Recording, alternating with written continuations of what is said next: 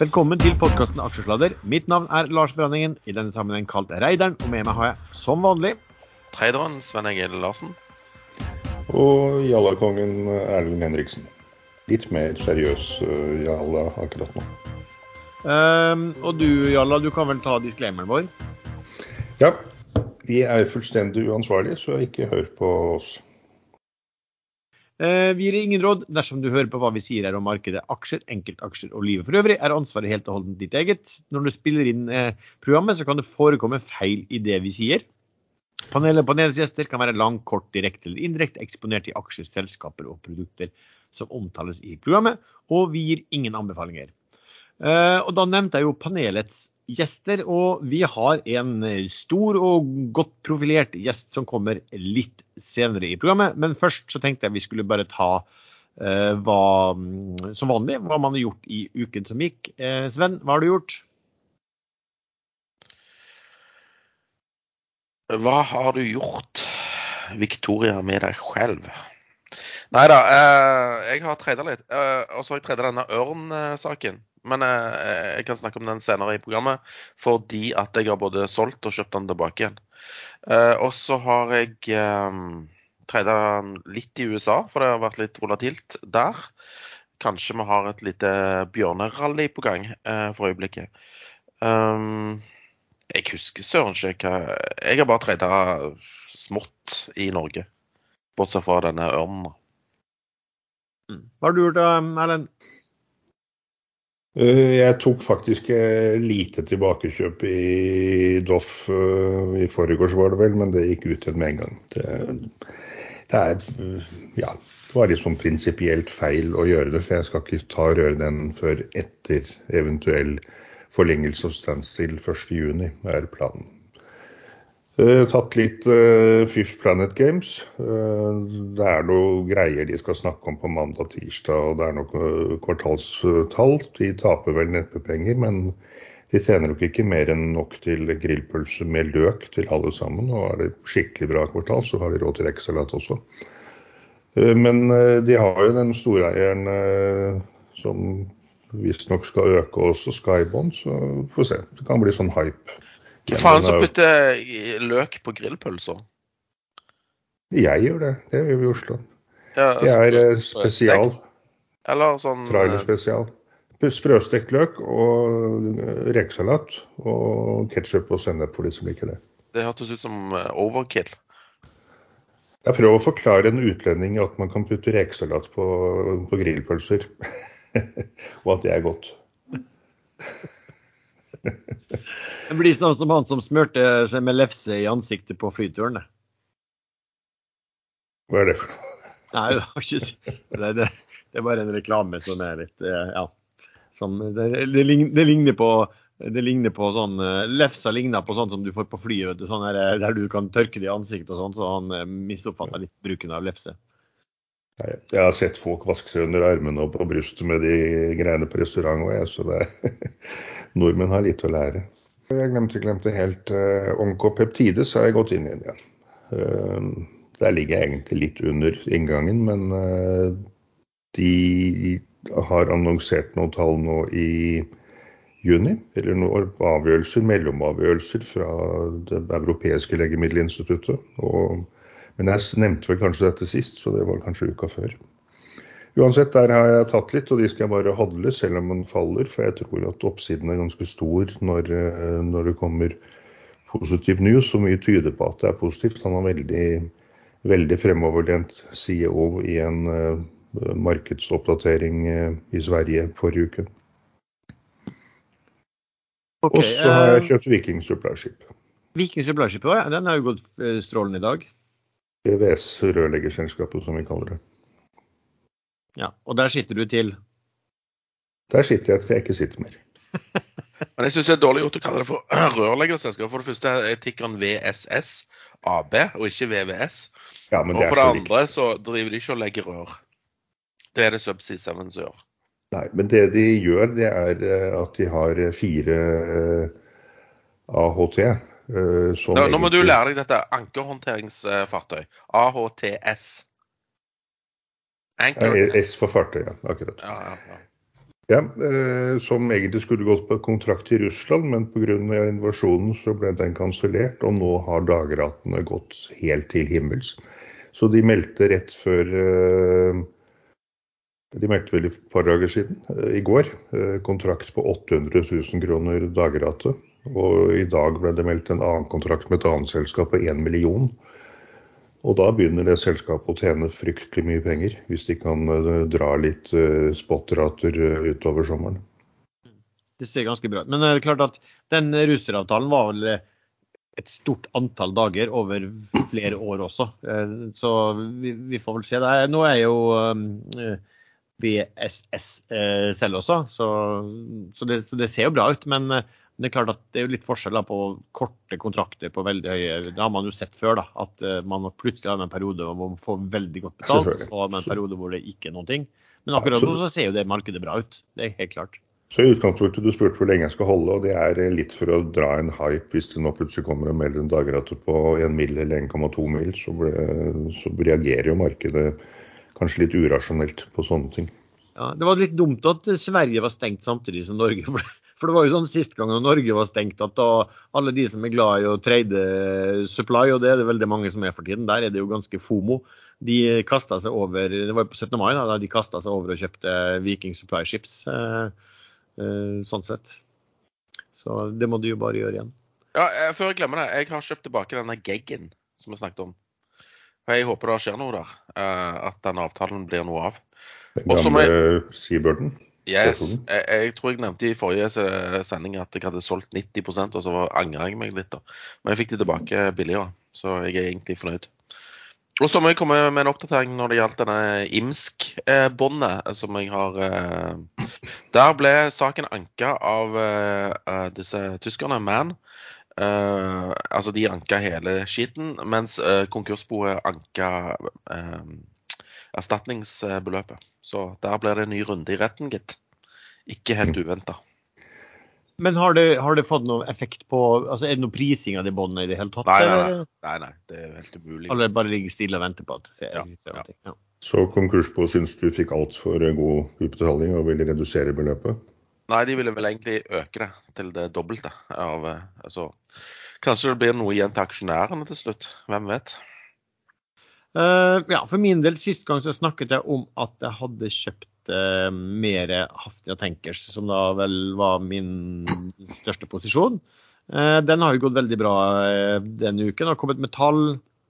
Betalte UX utbytte i dag, så den har utvikla seg meget bra også siden den gang. Og kommet ja, sterke oppgraderinger på kursmål fra, fra meglerhus.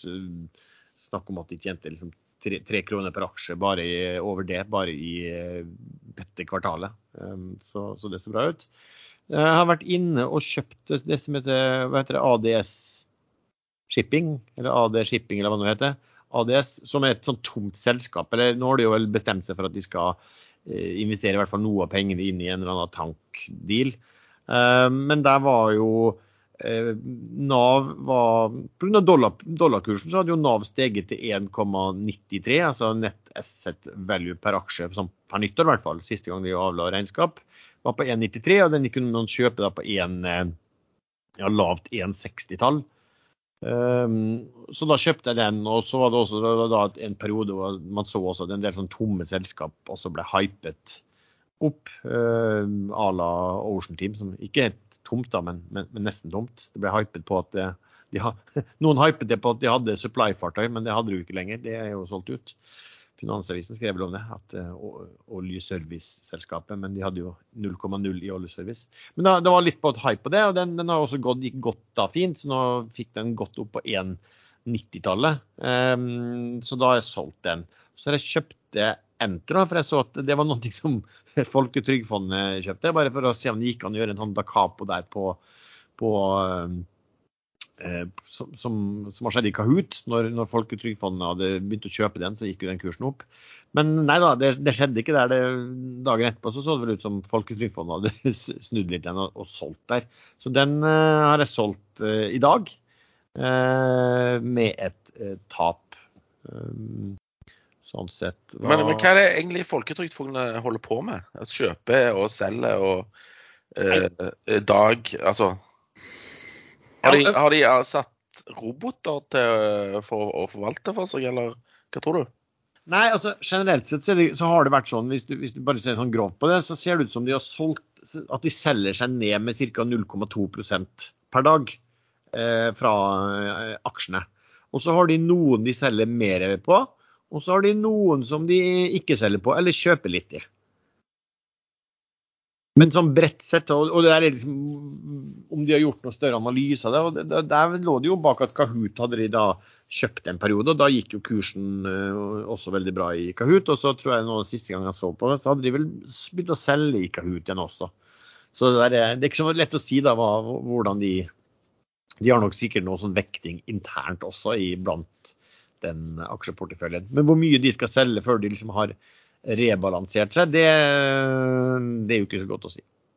Uh, Sven, du som følger med, hva har skjedd av type emisjoner eller nedsalg i uken som har gått? Det har ikke skjedd en dritt. Altså, jeg trodde kanskje det skulle skje noe på mandag fordi at det var eh, helligdag eh, i går, på torsdag. Eh, skjedde ingenting på mandag, skjedde ingenting på tirsdag. Og på onsdag så skjedde det heller ingenting. Og, og i dag er det fredag, og da pleier det aldri skje noe. Så null og niks. Selv ikke den varslede emisjonen i ASA har jo kommet. Kursen Ja, eh, Sparebank1 Markets har jo eh, kommet med en uh, eh, oppdatering, eller eh, Tok de den aksjen opp til dekning, eh, eller hadde de dekning fra før? I, eh, eh, i Atlantic ASA? Ja. De, de hadde dekning på den fra før. OK. ja. Men de kom i hvert fall med en oppdatert analyse og sa at eh, de må hente penger. og Jeg trodde jo at de skulle et par dager etterpå bare komme med en retta emisjon via samme meglerhus, men det skjedde ikke. Nå har det jo vært litt urolig da i markedet, men den, den siste uka har jo vært eh, har du jo fått en, en, en veldig fin utvikling. Så det er klart at hvis Og det ser veldig bra ut. Den, er, hva skal si, OBX er opp 0,7 i dag. Så hvis det her fortsetter, så vil vi nok sikkert se en del i neste uke, tror du ikke? Jo, det, jeg tror det er eh, latente emisjoner på gang. Men nå er det jo nå var det et oppkjøp her om dagen. Eh, Mercell ble kjøpt opp. Ja, det, det er amerikanere, faktisk. eh, som kjøper den til 100% budpremie. Og vel så det. Og det har vel medført at uh, markedet nå har skummet uh, børsen for potensielle oppkjøpskandidater, så da stiger de så mye i verdi at de ikke er aktuelle som oppkjøpskandidater lenger. Det kan godt være. Men uh, altså, jeg tipper det kommer et sånn lite uh, bear market-rally og en dead cat eh, bounce i, i disse grøtaksjene, altså Euronex Growth, som har falt og falt og falt. Jeg tror de vil få en ganske bratt rekyl. Ser f.eks. på Meltwater i dag, som er opp 20% De kommer med tall også som nå Ja, ja. Nei, men det, det, det vi ser jo det at Men det er klart, ja, det var vel noen som fikk litt rekyl, men ikke sånn veldig mye ut ifra, um, det budet på, på Mercell. Så det har ikke blitt noe sånn allment rally etter dette her. Jo- Nordic Semiconductor er opp 78 Men jeg, jeg tror ikke de, de er såpass store, jeg tror ikke de har så veldig mye om det kommer en eller annen private equity og kjøper Mercell. Altså det er litt annet, litt annet ballgame. Det er vel mer at teknologi gikk, har gått bra to dager på rad vel i, i USA, mens Norge har vært eh, stengt. Så man begynner man tar igjen litt.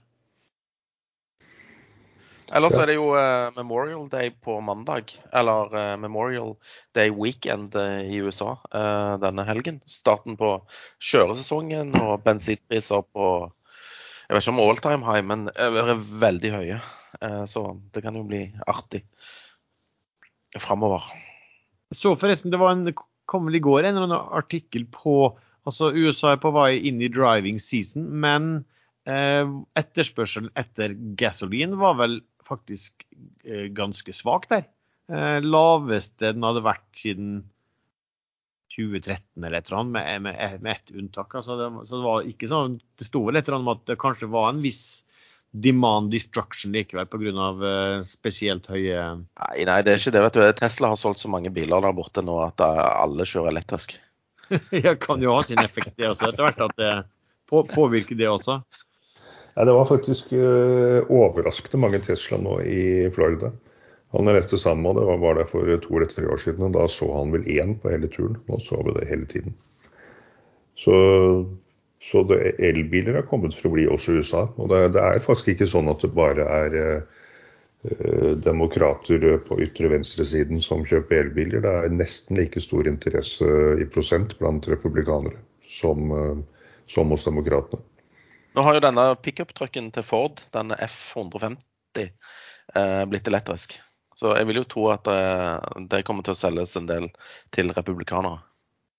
Ellers har vel Fed vært ute og ja, de var vel litt duete. Og det var kommet noe, noe sånne fra hva skulle du si eh, referat fra siste møte også, som, som tilsier at, de var, var litt, sånn, litt, litt duete. Så, men hvis min tese holder til nå, at markedet begynner å stige igjen, så dukker det snart en opp fra Fed igjen som sier noen ting negativt for å dytte, dytte, markedet ned. Min tese er jo litt at, at eh, Fed vil ha ned etterspørselen, og det kan de gjøre enten å ha eller kombinasjon av renteøkninger pluss prisfall på, i, i, kapitalmarkedet og på boliger. Og, og, at de gjerne heller vil ha det siste, altså fallet i aksjemarkedet. For det, det er ikke de som får direkte skylda for det. Men, men uh, det kom jo reviderte BNP-tall i USA i går. Uh, og, og, de visste jo at uh, Q1 BNP falt med 1,5% mot opprinnelig 1,3 nedgang. Eh, så Makrotallene tyder jo på at oppbremsningen allerede er i gang, og at uh, du kanskje ikke trenger så mange renteøkninger som, som frykta. Så da, da, vil jo inflasjonen regulere seg sjøl, egentlig. Du ser jo det litt på langrente også, da, som begynner å falle også. Ja, ja. at man tror på det. Men, det, det var, men en ting vi snakker om Fed, en annen ting er jo altså Kina som plutselig innkalte. Hvor, hvor mye var det sentralkomiteen skulle ha webmøte med 100 eh, 000 stykker eller noe sånt? ja, det var over 100 000. Ja. Og det er eh, og da skulle bortimot alle sider av økonomien diskuteres. Eh, og de har jo fremdeles som mål at BNP skal stige med 5,1% i 2022. Men ja. Eh, det skal jo veldig mye til. Eh, men det som er pussig med det store møtet nå, det er at de i oktober er det vel, skal ha sitt store sentralkomitémøte i partiet, og det er hvert femte år. Så det er kritisk Sånn som ting som skjer i Kina nå, når de innkaller til dette møtet nå, så kort tid før det store sentralkomitémøtet.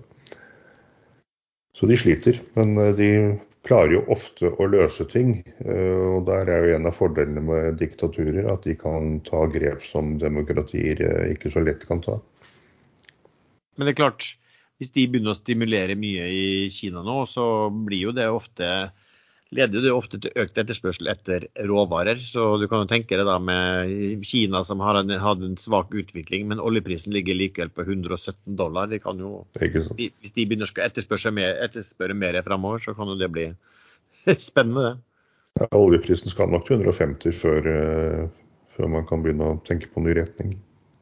Ja, kanskje, kanskje ikke. Altså, det, det, det, er vel noen som sa til meg også at uh, at mye av disse oljeprisestimatene er basert på en, at man regner at BNP skal være sånn og sånn, men at det kanskje kommer noen nedreguleringer av man, hva man tror av den globale eh, BNP-en. Og, og, hvis den nedreguleres, så vil man også nedregulere eh, hvor mye um, olje som blir etterspurt. Da. Men det er jo ikke bare olje her, da. det er jo mye sånn raffinerikapasitet og alt det her. Som er, det, det er mye som er, mye som er galt i det markedet der. for å si det. Vi har i dag med oss en gjest, Morten Klein. Eh, fra Klein Group, faktisk, heter vel selskapet ditt. Som yes, uh, har bygget seg opp fra bokstavelig talt ingenting til, uh, til en av Norges ikke så altfor mange milliardærer. På relativt kort tid og i mange forskjellige ting, så jeg er litt imponert, Morten. Takk for det. Um det har jo vært, eh, har vært en reise, det. Så, så, eh, det har vært spennende. Og, og den er ikke over enda, håper jeg. Fortell litt om hva som skjedde. fra du, Første gang jeg hørte om deg, var da du var reality-stjerne på TV Norge, var det kanskje? En TV-kanal, med Bar 1. Ja, det var, det, det var en, det var jo reality-TV. var jo også en del av eh, reisen her som vi har holdt på med. Men, eh, men eh, det var faktisk et show som var på TV3. Som var Norges første daglige sendte reality-serie. Den, vi, vi, vi, gjorde et samarbeid med Strix Televisjon på TV3 om å, om å starte en bar i Oslo som, eh, som skulle da sendes på, eh, på TV med daglig, daglig, opptak med 18 deltakere. eh, det var en produksjon oppe i andre etasjen på 100 mennesker som satt og produserte, og det var livesendinger. og det var, ja, nei, det var en veldig lærerik periode på, på et halvt år. Og, og, det var også spesielt å stå på på McDonald's og skrive autografer til tenåringer fordi at man var på TV i reality-serie. Men eh, det var spennende og morsomt. Men det var, det var den tid. Eh, jeg savner ikke det i dag, for å si det sånn. Men den serien eh, Nå skal jeg innrømme at jeg bare så litt av én episode, men den ga meg varig men. For Der fortalte du de ansatte i et litt sånn strengt møte at når gjestene går, så skal det være ryddet av bordet innen 30 sekunder, var det vel? og klar til neste gjest. Ja. Så når jeg kommer inn på restauranter og kaffebarer i dag, så irriterer jeg meg over bord som ikke er ryddet ennå. Dette er vel 30 år siden. Ja, men det, det der er jo eh, Når jeg flytta til Oslo, så begynte jeg jo i, i restaurantbransjen.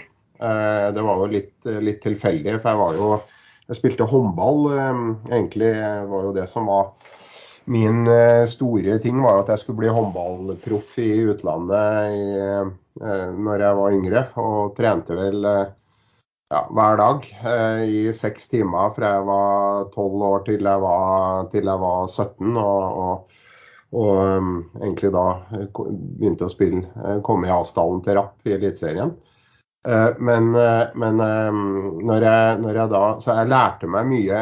Ikke være rask og ikke være noe sånn spesielt talent i håndball, men jeg lærte meg at skal du oppnå suksess, så må du, så må du være terpe og være god på det, det, du skal være god på. Og når du begynte i restaurantbransjen da når jeg flytta til Oslo som, som 21-åring, så, så det, gikk det litt sport i å se på hvordan vi hele tida kunne maksimere og øke, selv om det var en liten pub med, med 14 bord. Hvordan kan vi maksimere omsetninga, hvordan kan vi øke ved å gi bedre service, ved å, ved å hele tida ja, Om det er lite folk der, så skal utestedet se ut som det er mye folk der, og du forventer at det skal komme mye folk inn døra hvert øyeblikk.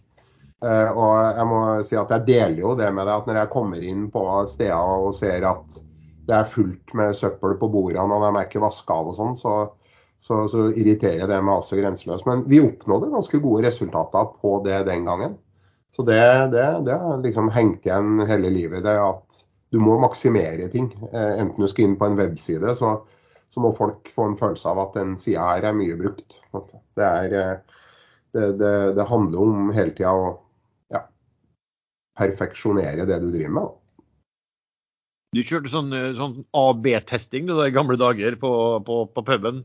Ja, nei, altså det var jo det. Det var, altså, det var jo tøft. Jeg, jeg flytta jo til Oslo i 1990, og så ble jeg Jeg hadde jo ikke noe erfaring med Oslos uteliv, eller, og jeg ble havna, først, jeg havna som dørvakt da, den første kvelden, for jeg skulle jo bare hjelpe til litt der oppe. Så eh, da ble jeg jo eh, satt eh, var en som prøvde å knivstikke meg den første kvelden jeg sto i døra der. Så, jeg skulle jo bare hjelpe til, men det gikk jo greit, det jeg klarte å komme meg unna den. Da. Så sier han til meg men du orker vel ikke å stå i døra i morgen og lørdag? Så sier jeg ja, jeg kan jo gjøre det. Og da. Det kan, det, kan, ikke bli verre enn i dag. Og da andre dagen opp på Torshov når jeg sto der, da, det var litt tøffere tider enn nå, så var det en som putta en pistol mot hodet mitt for at den ikke kom inn. Så da bestemte jeg meg og sa til henne du, her har jeg lyst til å begynne å jobbe fast. Så da, da, da ble jeg værende i Oslo og har vært her siden. og så, så, men eh, A- og B-testing var jo da pistol eller kniv, da, så det får jo Men eh, vi, det, var, det, var, stort sett rolig etter det, da. Men, men det, det, tror jeg faktisk er viktig, uansett hva du driver med, å hele tida maksimere for folk da, som, som bruker tjenestene dine. Det var bra at de to med kniv og pistol ikke prøvde å maksimere. Det kan man jo trygt si. Han, han første da, som prøvde med den kniven, skal han sies han var ganske full. da, Så det var ikke så veldig farlig. Men eh, den kula som satt i den pistolen, kunne ha, skremt, kunne ha gjort verre ting. for å si det sånn, Men uh, heldigvis ble den ikke fyrt av for min del. Ja, og så forsvant du vel over på naboens pub. Der hadde du Der satt jeg faktisk og snakket med han som nå dessverre er død, fra Turboneger. Ja, Hank. Ja, han ble sittende og snakke med en kveld. Utrolig oppegående og hyggelig fyr. De spilte jo der eh, ganske regelmessig. Ja, det var jo sånn at uh, Hank vanka jo nede på naboens pub. For vi tok jo det over den etter hvert, jeg og broren min Kai. Så vi Eh, eh, og det var egentlig det første utestedet vi drev selv i Oslo. Så, vi har det for så vidt eller, det, I dag er det utleid da, til noen, men, men eh, Hank var jo stamgjest der nede. Og eh, han, han, er jo kanskje noen av de mest oppadgående menneskene jeg har vært borti oppi hodet. Så det var jo veldig trist at det gikk den veien det gikk med han. Men, men det var Eh, jeg husker spesielt én episode med han der nede, hvor, hvor han, han, var jo, han, var jo, glad i å drikke noen øl. Så han, han og, og, det var jo sånn at han ofte ikke hadde penger til å gjøre opp regninga.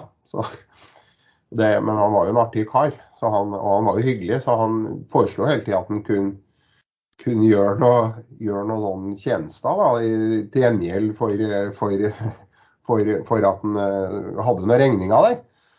Og da husker jeg han skulle være DJ der nede. DJ med Hank von Helvete på naboens pub. da, og det var jo det var, det var ikke sånn at han dro sitt publikum dit. Så det var jo det var en, begynte vel en sånn søndagskveld klokka sju der hvor han sto på scenen og spilte. Du, og så satt det en av de der lokale gjestene som satt nede på, på, på, på, helt på første rad foran. Så jeg, så jeg, ser hun står og prater til ham når han står og spiller musikk der oppe. og så plutselig vet du, så roper Hank i mikrofonen utover hele lokalet sin. Morten! Morten! Jeg spiller faen ikke her mellom om du ikke fjerner den bingofitta på første rad her! Hylte ut i hele lokalet. Jeg vet ikke om det her passer seg i en podkast. Jo da. I vår podkast passer det. Ja, det er bra, det. Er bra, det. Også, jeg stormer bort vet du, og sier til hun og sier, hva pokker er det som foregår her, da? Nei, Hun nekta da å skulle slutte å være stamgjest hvis han For det, var, det ble den krangelen om den musikken. Så det var, det var men, men, det var artig. Han, han hadde quizkvelder og han hadde mye. og Han var en stamgjest der i mange år. og Jeg hadde mye gode, dype samtaler med Hank når jeg sto på jobb. Han var, var en fantastisk person. og Veldig trist at han gikk bort på den måten han gjorde.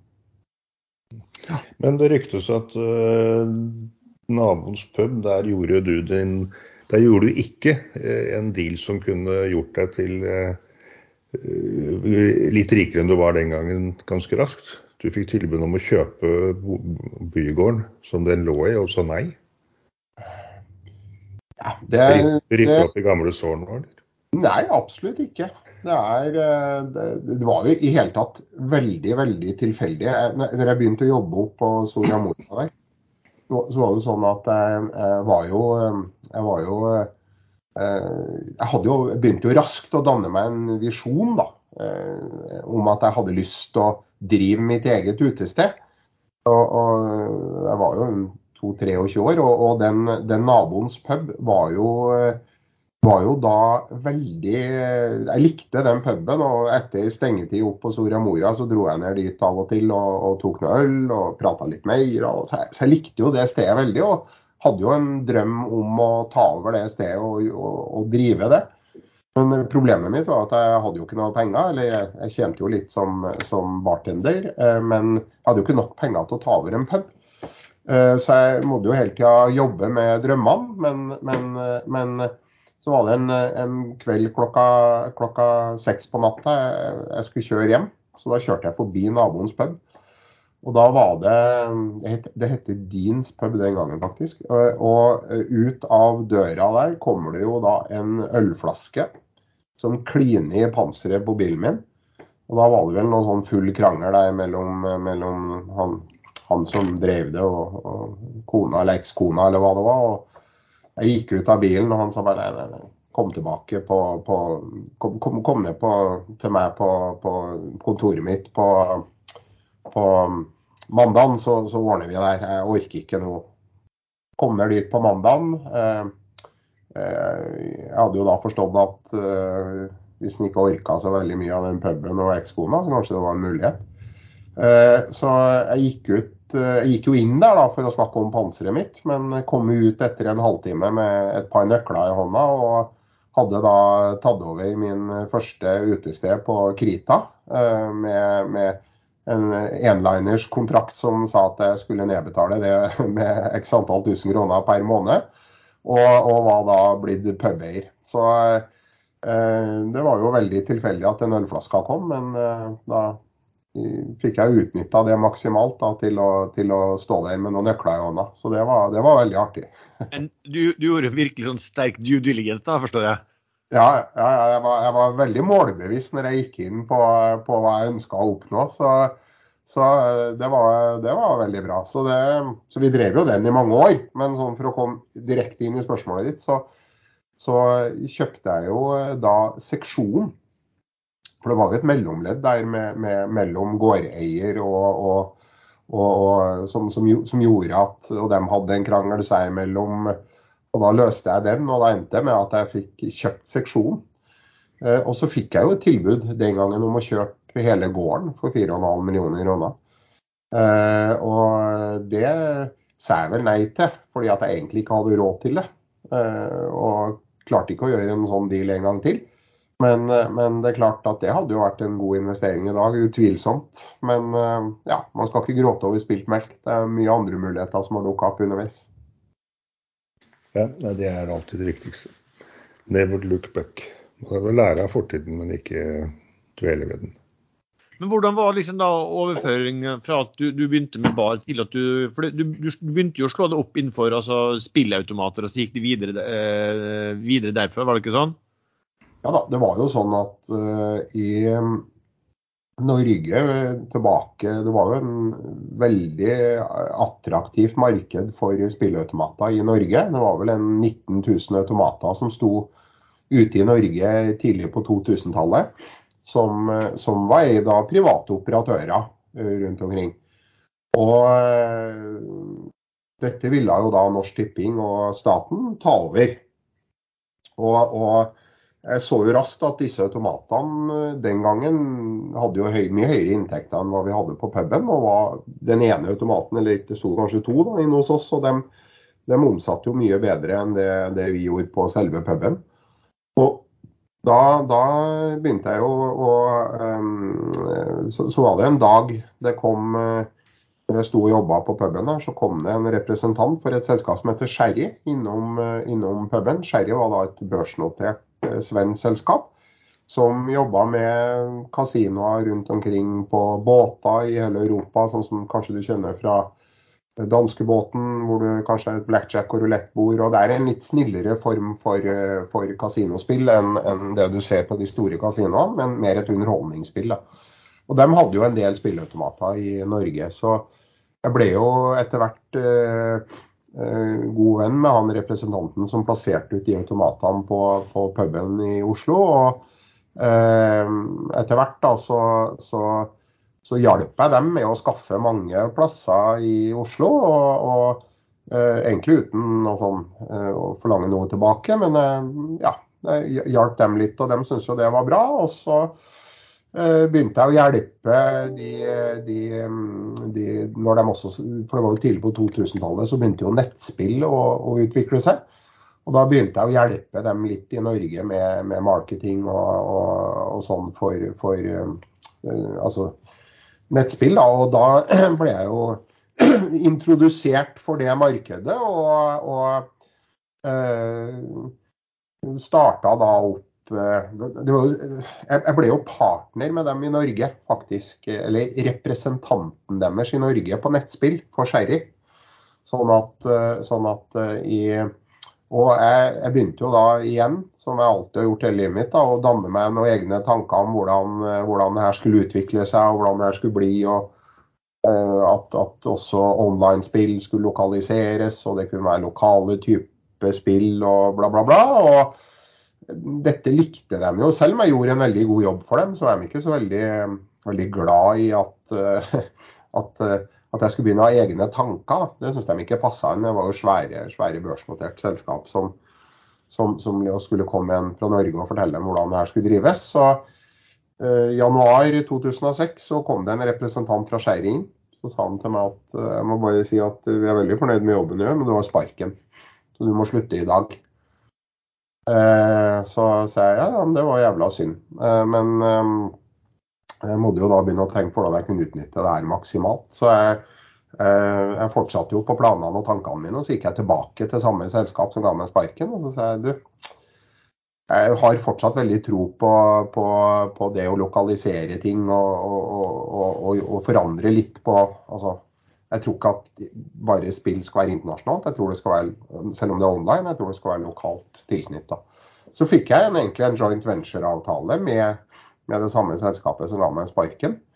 Eh, og, og eh, tre og et halvt år senere da, så, så, var de så imponert over det jeg hadde gjort, at de kjøpte opp da selskapet mitt i 2010.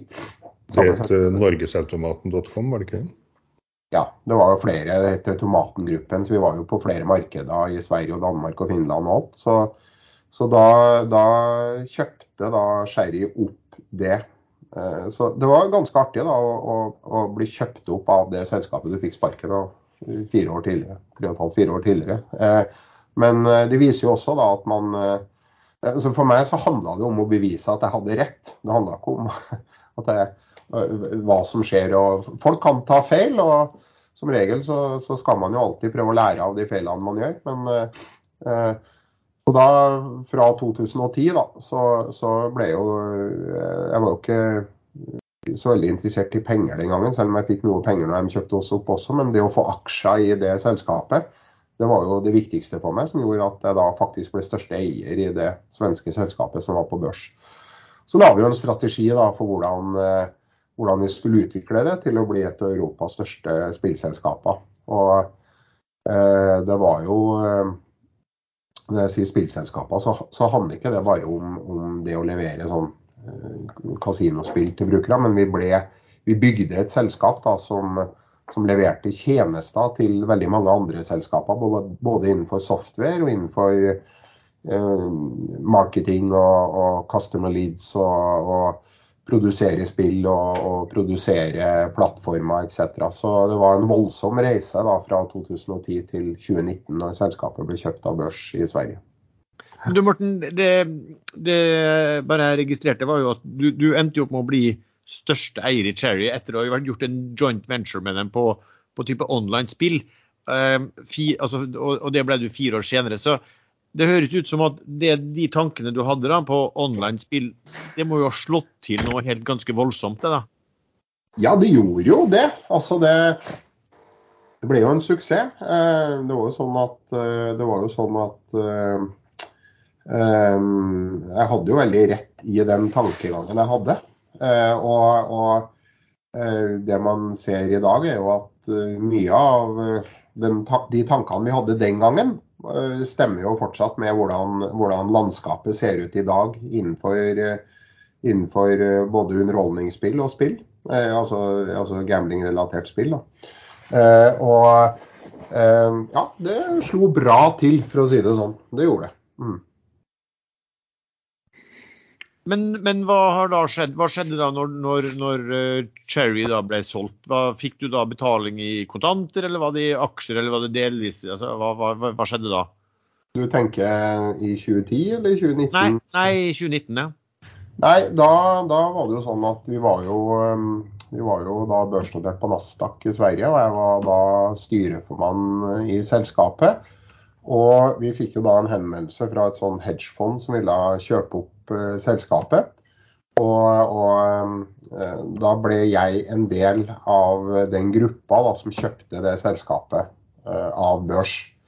Så jeg har fortsatt aksjene mine i selskapet, selv om vi ble tatt av børs. da. Så selv om vi fikk noe, noe oppgjør også i cash, så, så beholdt jeg fortsatt eierandelen. Mm. Det er vel ikke helt uvanlig at sånne selskap kommer tilbake på børs etter hvert? Ja, nei, altså det er jo altså Sherry i seg selv var jo fem ganske store selskaper. Eh, og, og, at noen av dem kommer tilbake på børs, det gjør de helt sikkert. Eh, men i dag er jo disse fem selskapene drives eh, separat. da. Sånn at i dag er det fem selskaper. Og at noen blir solgt og noen kommer tilbake på børs, det, det er helt naturlig. Så den, den, den eierandelen der, det er en del av det som din, ligger i din Klein Group i dag, er det så? Det ligger i Klein Group i dag som, en, som et av selskapene vi eier. Ja. Men hva, hva, andre, men hva andre ting er det du da satser på i, i Klein Group, da? Nei, altså Klein Group har jo Det var jo en gang i tida egentlig familieselskapet mitt, men det har vel nå Eh, nå har vi skilt egentlig ut Klein Group til å være et eh, tech-selskap. Eh, hvor vi primært investerer i, i teknologiaksjer. Vi, vi, har egne prosjekter som, som vi, hvor vi bygger selskaper. Men vi, har jo fått en veldig stor forkjærlighet for, for den nye teknologien da, som, er, som man ser med blokkjede og, og eh, krypto og eh, det som i dag ofte omtales som Web3, da, som, som, går på the next generation of, of Internett.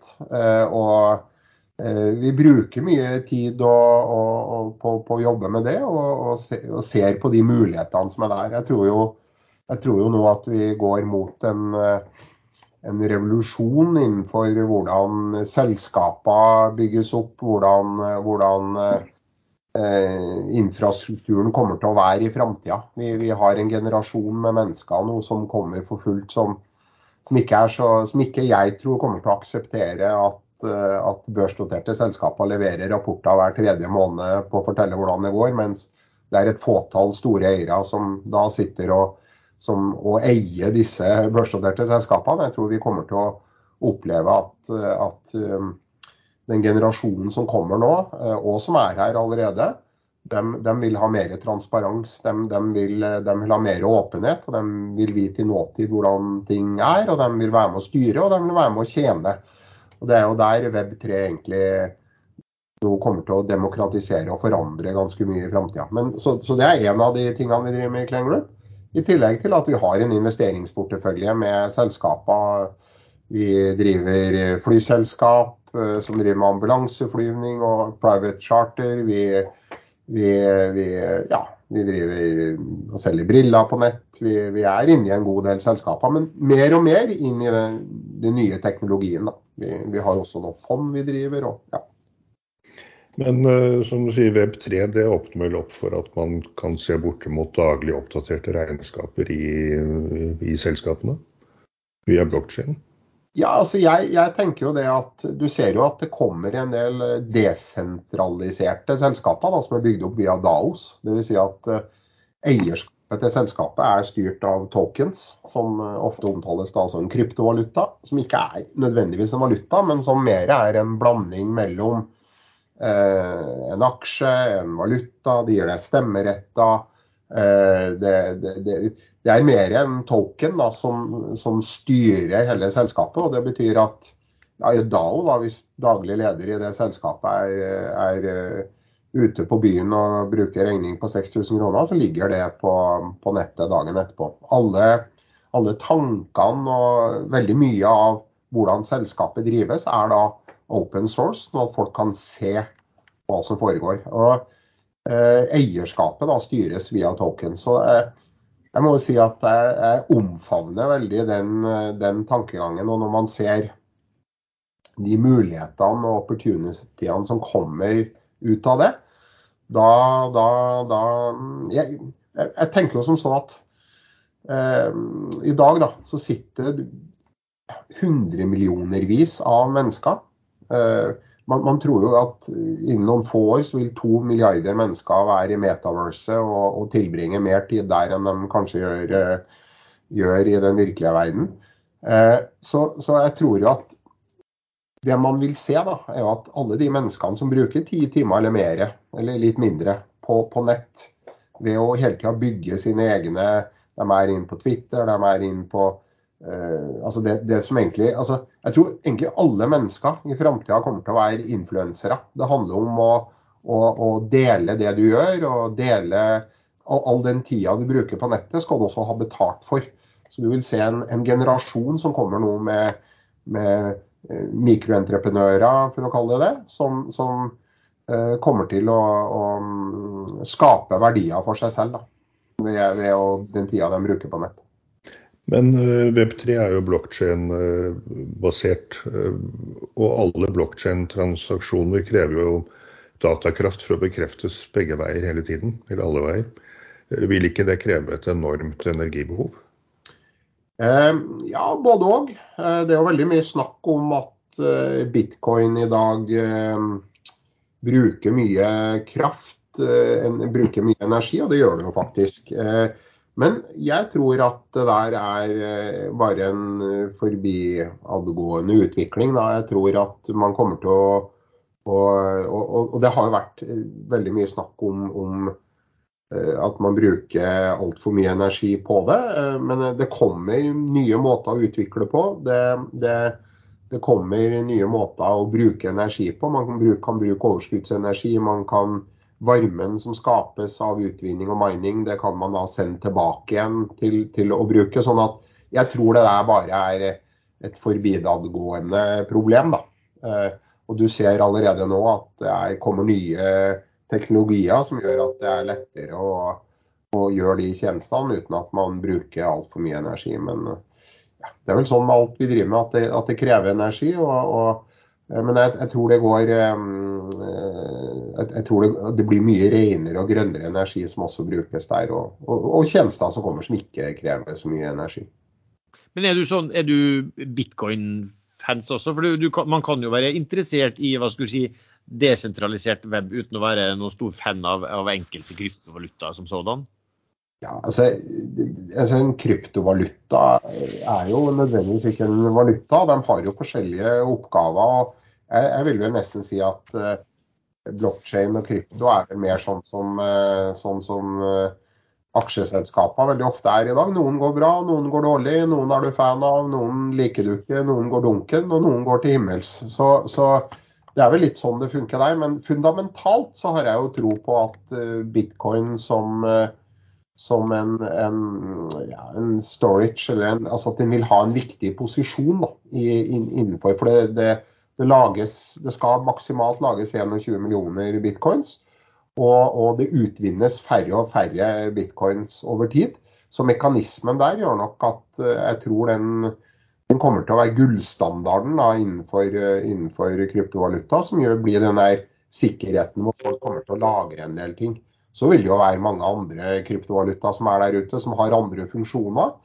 Eh, og, og eh, så, så, ja, du har helt rett. Du kan like noen ting, og noen ting liker du ikke. Eh, men det er jo viktig bare å si dette med Web3, da. At, at for meg så er altså, Web, Web 3 det er, jo, altså, det er, jo, bare en forlengelse av det internett vi har i dag. Og eh, jeg tror jo nødvendigvis ikke at Web 3 bare har noe med blokkjede å gjøre heller. Altså, hvis vi tenker på Web 1, da, så er jo det den gamle statiske sida man gikk inn på når internett kom. Det er jo den sida hvor du fikk informasjon, og du, du, brukte den til å få informasjon. Når Web 2 kom, så var jo det veldig så var jo det veldig fokusert på, man så det med Facebook, at, at du kunne begynne å kommunisere med hverandre eh, også. Det ble societies hvor, men fortsatt på en statisk eh, skjerm, eh, så, så, satt man da og kommuniserte med hverandre. Mens Web3, som er da videreutviklinga av internett, er jo egentlig en, en, tror jeg kommer til å forandre veldig mye hvordan vi mennesker eh, agerer. Altså For meg så er Web3 egentlig da både tid, sted og rom. Det betyr at det er en videreutvikling av det sosiale samfunnet hvor vi faktisk da eh, går inn i altså, altså, Hvis du tenker på Wikipedia da, f.eks., så, så kan du tenke deg at eh, via Web3 så vil, eh, så vil, du at hvis du skal søke på eh, f.eks. Eh, ja, Henrik Ibsen-museet i, i, Oslo. Så, så, så når du istedenfor å søke da, og få informasjon om det, så kan du da gå inn i det museet.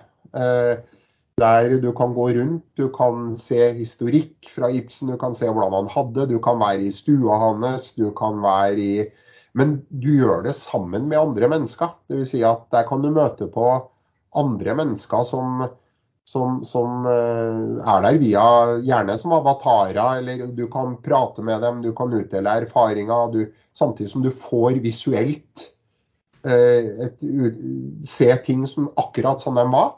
Så vil, samtidig, så vil, du samtidig, være der og kommunisere med andre og tilbringe tid sammen med andre. Kanskje kan du gå på en kafé i Ibsen-museet der og, og sitte og, og, prate med folk og sosialisere. da.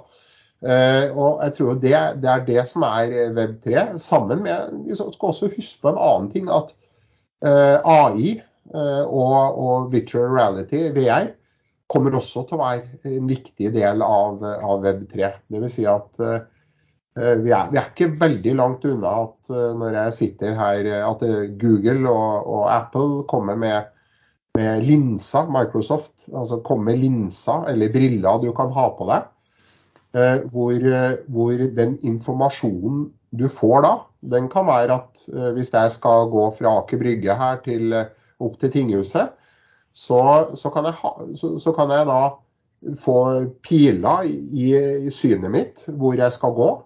Når jeg passerer museer eller lokaler, så, får jeg informasjon om bygningene jeg passerer, som da er tilpassa meg. For jeg, jeg kan på forhånd bestemme at Eh, jeg vil ha informasjon. Går jeg forbi en restaurant, så kan jeg få dagens tilbud på den restauranten som er relevant til meg. Jeg, eh, jeg kan også få um, uh, Hvis det er reklameplakater på veggen som vi ser i dag, som er statisk og som er på veggen, så vil, så vil det kanskje være reklameplakater på veggene som er tilpassa meg og mitt behov. Litt sånn som du ser når du er på nettet i dag. Så får du veldig tilpassa reklame. Så, så jeg tror Eh, det kommer til å, Web3 da, det er et veldig sånn bredt omfang av, av, av uh, hva, hva, som skjer. da. Mm. Det, er, det er, en, en ganske sånn uh, beskri, ganske bred beskrivelse. Uh, og det er vel egentlig kanskje ikke noen som helt vet hvordan det blir til slutt. Men i dag for å komme inn i Metaverse så må man ha på seg disse store, klumpete VR-brillene. Ja. Uh, noen blir sjøsyke, og, og det, det, er liksom et litt sånn ork i seg selv. Jeg kan ikke tenke på at jeg noensinne kommer til å uh, bruke tid på det. Men kommer det andre løsninger? Ja, jeg tror det kommer mye enklere løsninger. og Jeg tror også det blir en slags seamless overgang mellom at du ene dagen kanskje slags, har på deg en slags briller som gjør at du får den tredimensjonale opplevelsen. Men jeg tror også at du kan delta i de samme universene via mobil eller via PC. eller eller via TV eller andre tjenester, da, som gjør at det blir en mer, en, en, mer, en sånn seamless interaksjon da, når, du, når, du, er der. Så ja, absolutt. Eh, jeg, jeg er jo egentlig en, stor fan av eh, altså, altså, det jeg tror, da. Altså hvis du tenker på disse metaversene, det, det, er jo Hvis du tenker et selskap i dag, da, la oss si innenfor innenfor, eh, innenfor, gaming da, så er det jo sånn at veldig ofte de store spillene i dag Vi har jo sett store oppkjøp. Vi har sett at Microsoft har kjøpt Blizzard for 600 millioner dollar. 600 eh, milliarder dollar. Altså det, er, det er så enorme summer. da, fordi at alle de store aktørene i dag, som Facebook, som Apple, de er jo enormt avhengig av content på plattformene sine. Og Eh, med Web3 så går vi i en retning av at brands og audience de begynner å kommunisere direkte med hverandre. Du har ikke behov for de, de store, store, aktørene i dag for at du skal kunne fungere sammen. Eh, man, man, man vil kanskje se at, eh, at, Microsoft og Facebook og, dem, og Apple kan ikke sitte og ta 30-40% av enhver transaksjon som foregår fordi at det er dem som styrer de store nettverkene. Så du ser i dag enorme store oppkjøp da, av selskaper for å sørge for at contentet eh, blir på plattformene til de store. Men jeg tror fortsatt at dette bare er en overgang. For jeg tror at Jeg tror at det kommer til å oppstå store sosiale societies i metaversene, hvor brukerne er eierne av, av, av disse metaversene. Så, så jeg, jeg, tror ikke det blir sånn at uh, Facebook kommer til å ha sitt meta hvor, hvor, det kommer til å være hundremillionervis av mennesker, og Facebook sitter og tar 50% av inntektene. Det tror jeg ikke noe på i framtida. Jeg tror framtida blir at disse metaversene blir Det er egentlig sosiale samfunn hvor, hvor, hvor brukerne av disse sosiale samfunnene er eierne av tokensene. Og disse, to, disse tokensene, da, som, istedenfor aksjer, da, som eier disse societyene. Så alle brukerne er medeiere. Og inntektene som kommer ut av dette medieeierskapet, fordeles da mellom alle brukere. Men eh, det vil vel egentlig si at eh, den diskusjonen som nå foregår i Kongressen i USA, hvor man skal splitte opp disse store selskapene, at den kanskje egentlig ikke er nødvendig lenger? Jeg, jeg, tror på sikt så, så, så, tror jeg at dominansen til de store de kommer til å gjøre hva de kan ved å kjøpe enormt med content. Husk på av de åtte største selskapene i verden i dag, så, så satses seks av dem veldig tungt på gaming for å, for å, for å attraktere og beholde disse, disse store massene av brukere. Da. Men jeg tror, ikke, jeg tror det der kommer til å, å, splitte seg opp eh, mye av seg selv. Jeg tror eh, det blir en kamp mellom, mellom individer og selskaper. Eh, men, men, jeg tror du kommer til å se da, disse desentraliserte metaversene. Hvor, hvor, du kommer til å ha både e-handel, du kommer til å ha shopping, du kommer til å ha entertainment, du kommer til å ha underholdning, eh, gaming ja, av forskjellige arter, hvor, hvor brukerne er de som får, får inntektene fra det. Det er, det er, en revolusjon faktisk som er på gang. Jeg, jeg, kan umulig tenke meg at neste generasjon med ungdommer kommer til å orke å sitte og, og, og få rapporter hver tredje måned fra børsnoterte selskaper. Så jeg, jeg tror eh, den, den, type måte å drive selskaper på og eie selskaper på, vil forandre seg med årene. Og kanskje går det mye raskere enn det vi tror. Det er jo veldig interessant det du sier i forhold til altså, sånn desentralisert finans. Altså, vi, vi, vi, snakker jo om aksjer og børs eh, her stort sett. Altså, per definisjon, da, aksjebørs er jo en, en, en sentralisering. Ja. Eh, hvordan, hvordan, tenker du rollen til si, aksjebørser og hvordan du handler aksjer og type meglerhus og alt det? Hvordan, hvordan ser du den utviklingen der da, i forhold til en Web3?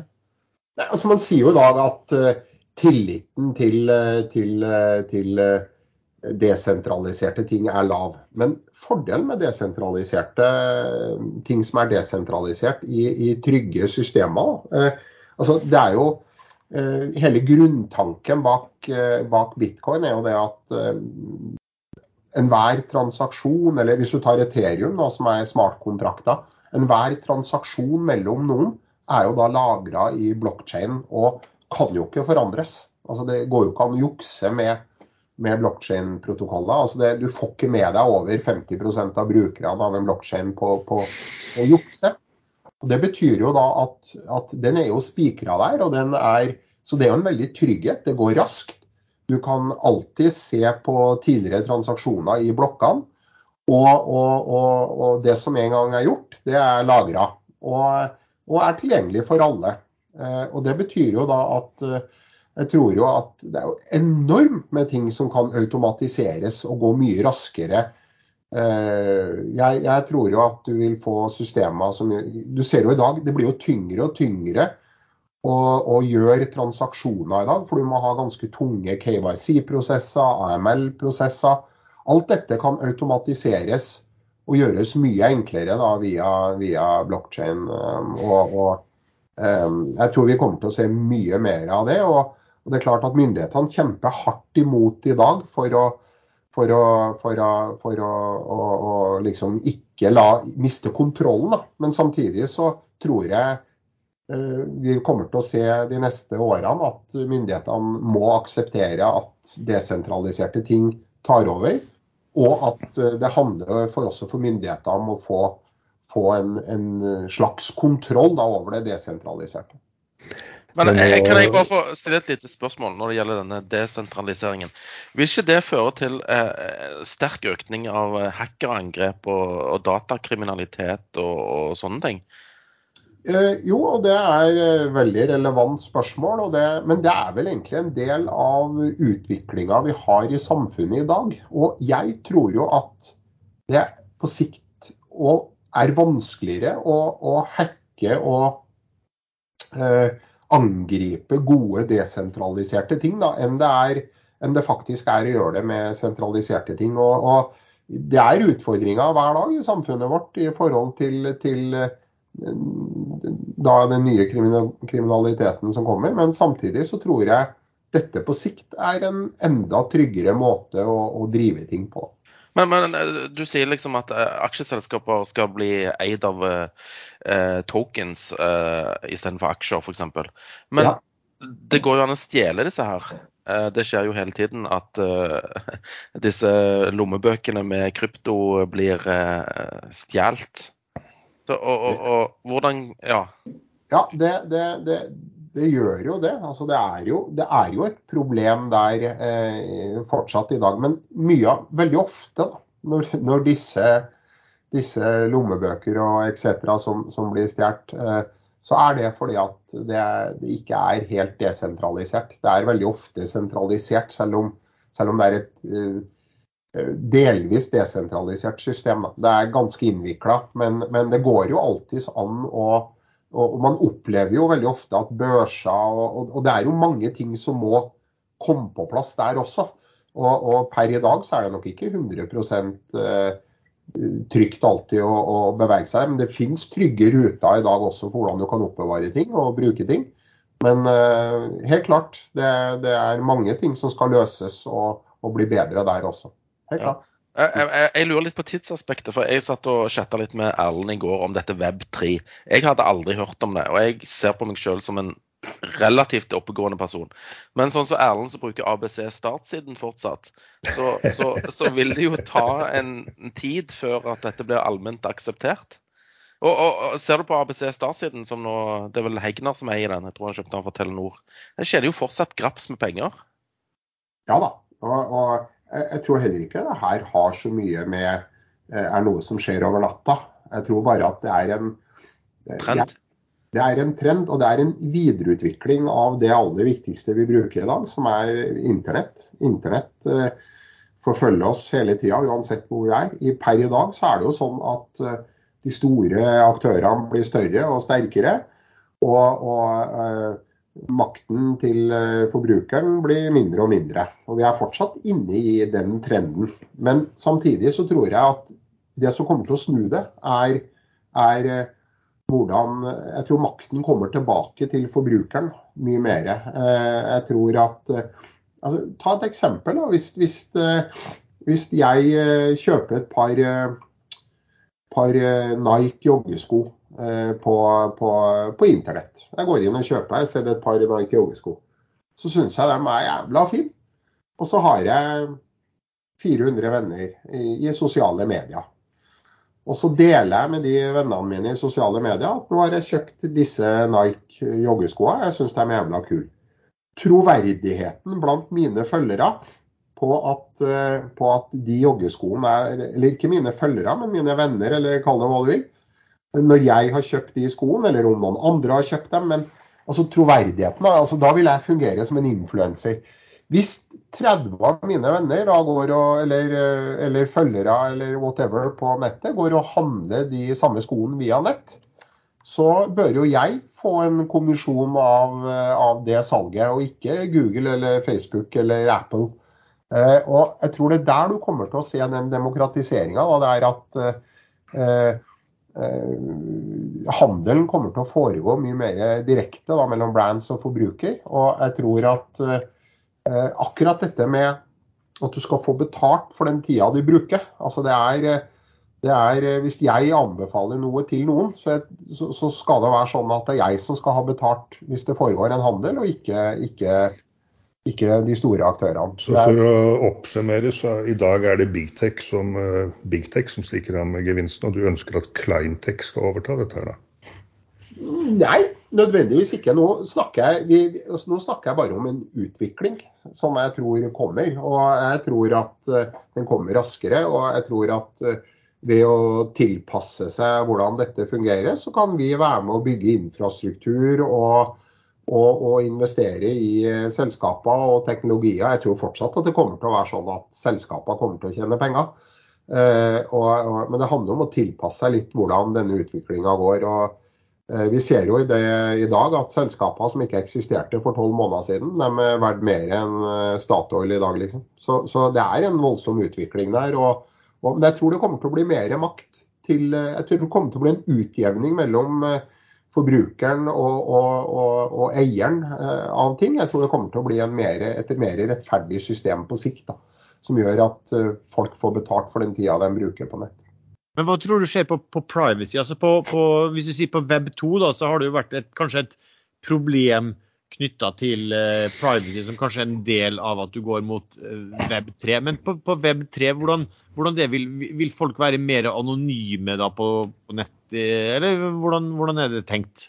Skal web 3 fungere, altså skal vi i framtida kunne gå inn i metaverses og, og, og møte andre, så er så er kravet til identitet kommer til å være noe av det aller viktigste som må, må løses. Du må vite hvem du møter. Altså tryggheten for, for eh, barn, sant? tryggheten for, for, voksne også, for den saks skyld. Eh, hvis det er avatarer som er der ute, så kommer det til å stille ekstremt strenge krav til at identifikasjon og troverdighet rundt de du møter, og du må vite hvem de er. og eh, altså En identifikasjon jeg tror du kommer til å litt sånn à la bank-ID. Du må vite hvem som er der. Det er, det er en av de tingene som må løses for at dette skal kunne fungere maksimalt. Da. Så du, du må, faktisk må du få en mye høyere tillit til identitet Eh, enn det du egentlig har når du er på Web2 i dag.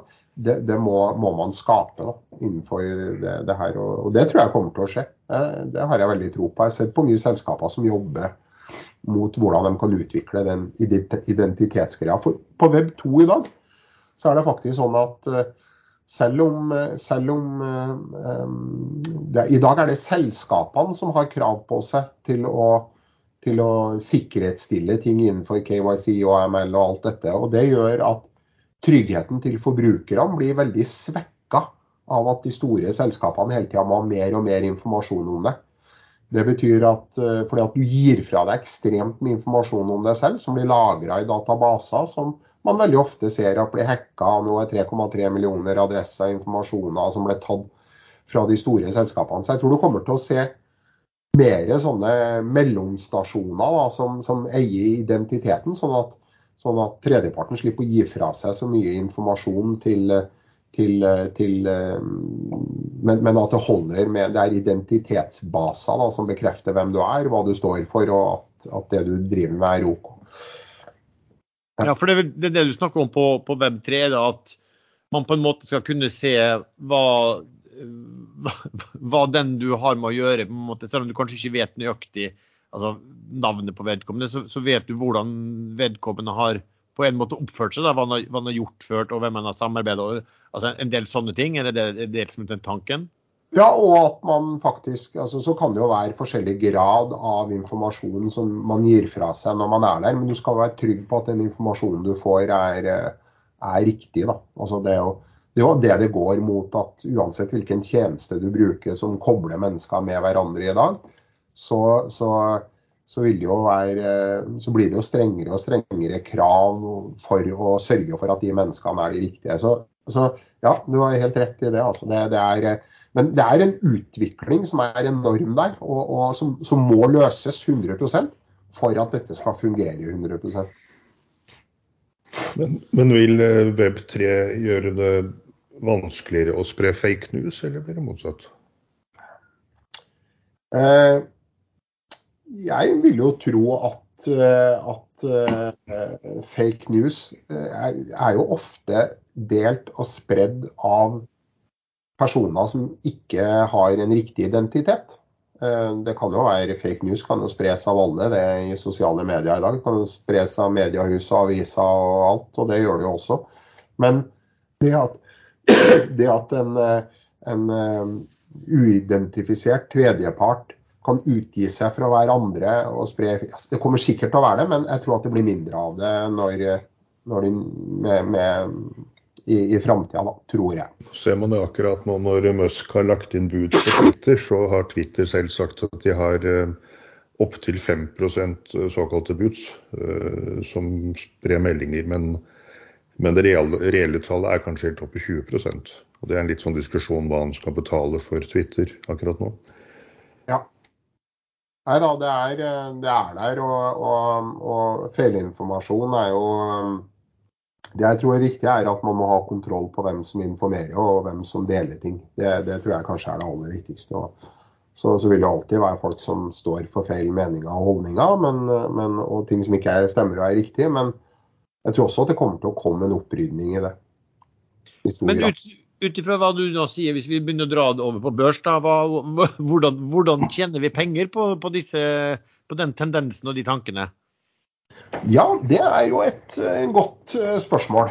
Jeg tror jo på å, at man skal ha øynene åpne for eh, selskaper som, som, bygger og skaper teknologi for, for Web3.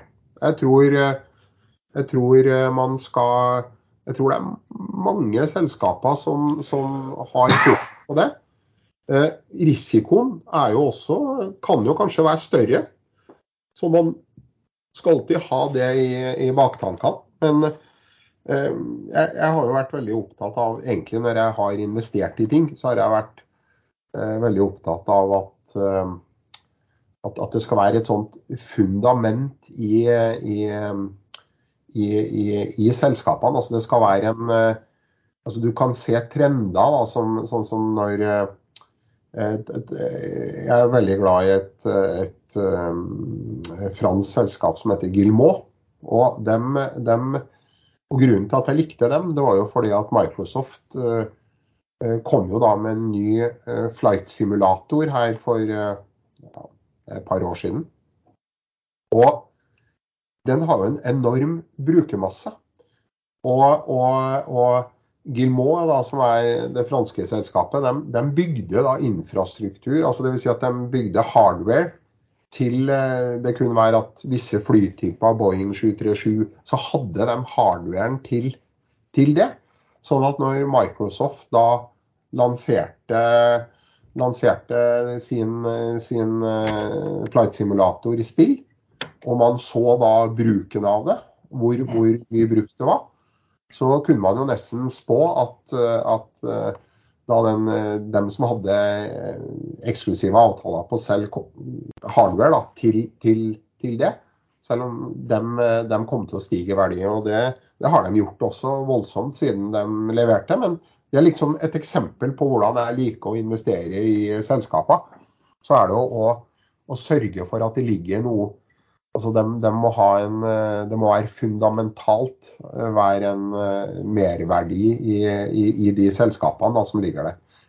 Og jeg, jeg, liker jo systemet i dag. La oss si at hvis du investerer innenfor gaming, da, så er det jo børsnoterte selskaper da kommer med rapporter hver tredje måned. Det kjenner vi jo til. Veldig mange av disse selskapene kommer jo hele tida med nye spill. Og i dag så finnes det jo programvare sånn at du kan monitorere eh, hvor mange som bruker de nye spillene. Så kan du se på konsensus i markedet, da, hva, hva de forventer fram til neste kvartalsrapport. Så kan du da monitorere om dette selskapet da eh, det spillet går dårligere eller bedre enn forventa og konsensus er i markedet. og da, da, kan du nesten forutsi litt eh, om den aksjen kommer til å gå opp eller ned eh, når neste rapport kommer. Så det er jo liksom det å hele tida skaffe seg kunnskap om om, eh, om, om de selskapene. Altså, jeg har jo gjort mange feil investeringer jeg opp gjennom livet, men jeg prøver jo å, lære av dem hver gang. Eh, men, men, jeg er blitt mer opptatt av å, å, sørge for eh, at det er konsensus i de selskapene. Ja, for jeg husker jo når, når, når Facebook Nei, Facebook, når Funcom var på børs, så var det jo sånn når de kom med det, i hvert fall det, det siste, når de, når de begynte, siste spillet sitt, så før, de, før de gikk av børs, da, at, eh, at da satt jo folk og fulgte veldig med på hele tiden oppdateringer på hvor mange som hadde lasta ned spillet, hvor mange som spilte dette her, var på servere og, og, rating og sånn på det som du fikk fra dag til dag? Ja. Jeg, jeg er jo det, det, er jo um, Jeg er jo veldig fan av et fond, Alinea Capital. De, de har jo et fond som, som, som driver innenfor gaming, og, og, og hvor folk investerer. og jeg Eh, eh, jeg har satsa litt der fordi at jeg, jeg syns at eh, de gjør en fantastisk jobb. De, de bygger programvarer som monitorerer alle børsnoterte selskaper innenfor denne sektoren. Og de, de, de kan vite altså Deres systemer da, bygger på at de skal ha kunnskap om hvordan ting utvikler seg, mot konsensus i markedet. Så det er en sånn typisk en plass jeg syns er spennende å være. da. Nei, for, og, og, men Det er jo sånn, sånn, altså det er interessant det du sier om transparens på tall, på, på regnskap. På, det er jo ikke alle som en gang nå leverer Noen begynner jo bare å levere halvårstall også. Ja. Og det er klart at da, altså Informasjonsulikheten kan jo være ganske ekstrem på de som eh, er litt kjent med selskapet og kjenner til selskapet og får litt signaler og sånn. Eh, og det er klart det er jo mange av altså, Bare det at man hadde hadde oppgitt inntektsstrømmen kontinuerlig f.eks., hadde jo vært veldig interessant for, for, veldig mange selskap. Og også vært hva skal si, demokratiserende da, for i, i investorverdenen, kapitalmarkedet. Altså KPI-er som, som, er 100% trygge, altså som omsetning f.eks. Eh, eh, hvorfor skal ikke det deles kontinuerlig med, med, med alle? Hvorfor skal ikke alle få den informasjonen kontinuerlig? Det er Eh, det er jo klart at eh, det er jo mange som drar fordel av de systemene vi har i dag, eh, sånn som børs er bygd opp i dag. Og, og, og veldig ofte så er det jo de med minst kunnskap som er de største taperne. Og, og det er derfor jeg tror at, at, at, folk kommer til å investere mer. Man sier jo i dag at det er 400 500 000 nordmenn som, som investerer i tokens og krypto. Eh, og jeg tror at det kommer til å bli mye mer. Og jeg tror at det blir mye mer aktuelt å gjøre det. Eh, fordi at eh, man får mer lik informasjon. Da. Et spørsmål som jeg, som jeg tenkte når, du hadde det, var, var altså, Det er jo sånn at uh, altså, Web3 er jo kan jo ikke være fort av ikke interesse for de, si, en del av de store, pengetunge businessaktørene. Eh, og de gir jo ofte penger til eh, valgkamper til politikere og partier. Altså, kan du fort få, eller har, Er det litt sånn nå at si, det politiske miljøet er en stor bremsekloss her av ulike årsaker? Det er jo sånn at i mm, alle økonomier, eh, hvis du ser på en sånn totaløkonomien, så vil det jo være, så vil det jo være sånn at systemene vil jo prøve å forsvare det fungerende systemet de har i dag, enten det er godt eller dårlig. Eh, og jo, Det er jo ikke noe annerledes det som foregår eh, nå heller. Men du vet, for to år siden så kunne du ikke si at du hadde fokus på, på krypto eller blockchain i businessen din, fordi da var du nesten helt utafor. I dag så er det jo blitt sånn at uh, folk vil jo istedenfor å være the last generation of web 2, så vil det være next generation web 3. Så veldig mange selskaper i dag plukker opp disse elementene. og Det gjør jo også at myndigheter og de som styrer må jo ha et høyere fokus på dette. Eh, nå er det jo sånn at Systemet vi har i Norge i forhold til, til det å eie krypto og bruke krypto og hvordan det fungerer, det, det er, veldig, det er, det er, ikke veldig godt. Eh, eh, men, men, man ser jo en tilnærming. Man ser jo tydelige Eh, hvordan man i selvangivelser skal rapportere etc. og hvordan man skal oppgi ting. Men det, er jo ikke optimalt i dag. Men jeg tror jo at, eh, at alle som har eh, noe kapital og noe de skal investere, bør sette av noen prosenter hvert fall til å investere i, i denne nye teknologien som du finner rundt Web3. For den, den, har kommet for å bli. Den er der. Den kommer til å påvirke. Og den, den, den, kommer til å bety mye for oss i framtida. Kanskje er det eh, noen av de, Kanskje den største forandringa som, som, har skjedd, er dette hvordan makten skal mer over til forbrukeren.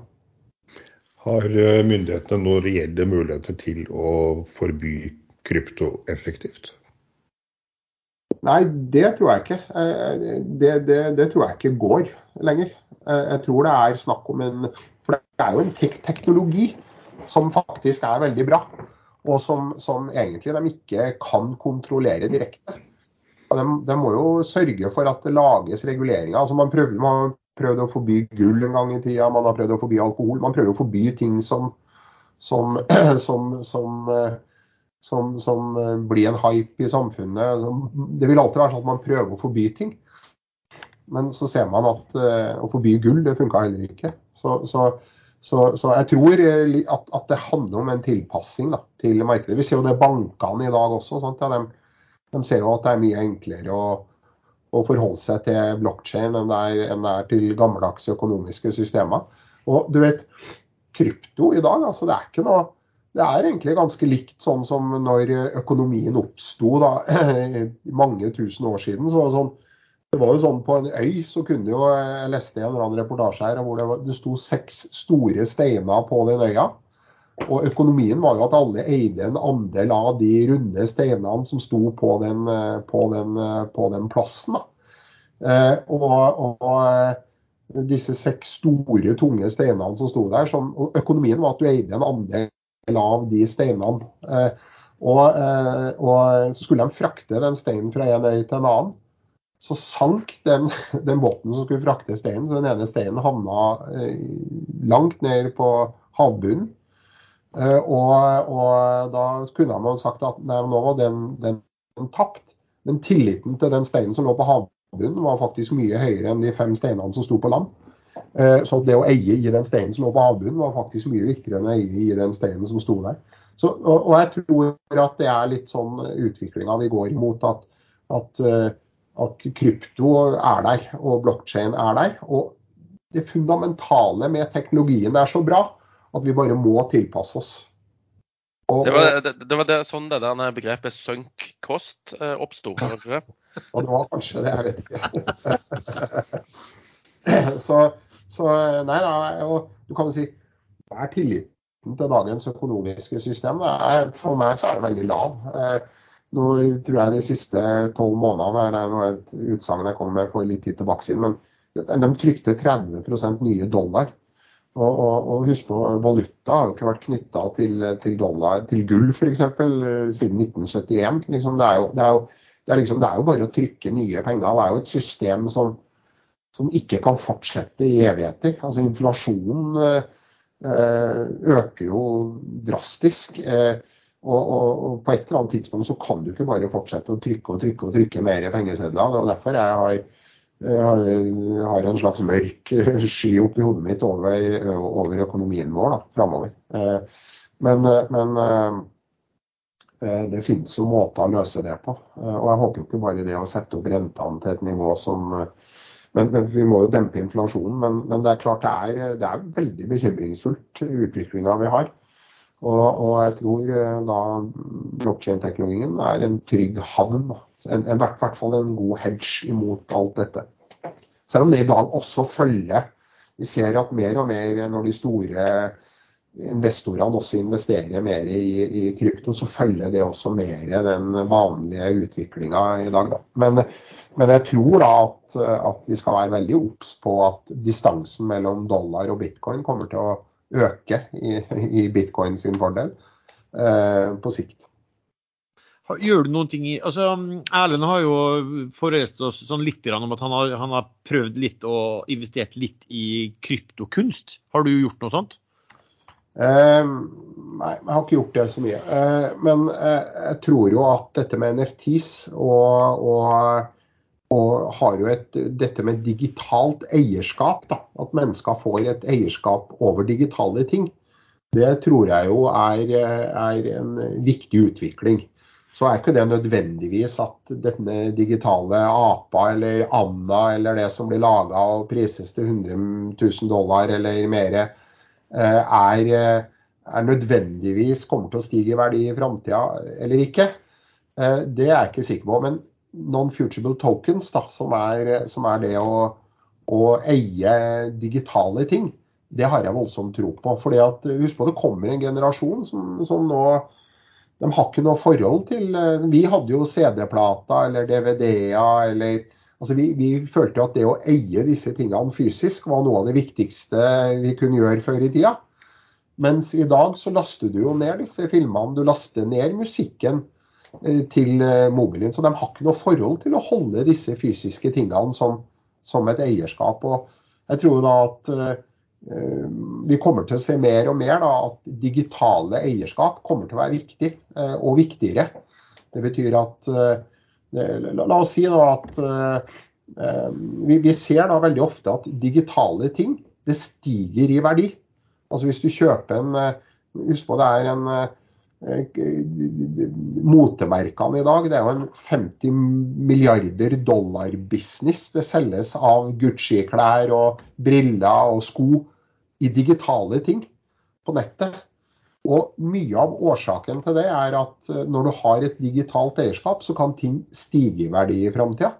Eh, går du og kjøper en Louis Vuitton-veske i dag i en butikk, så er nødvendigvis altså Nå er ikke det helt nøyaktig for noe, men så vil den synke litt i verdi når den er brukt.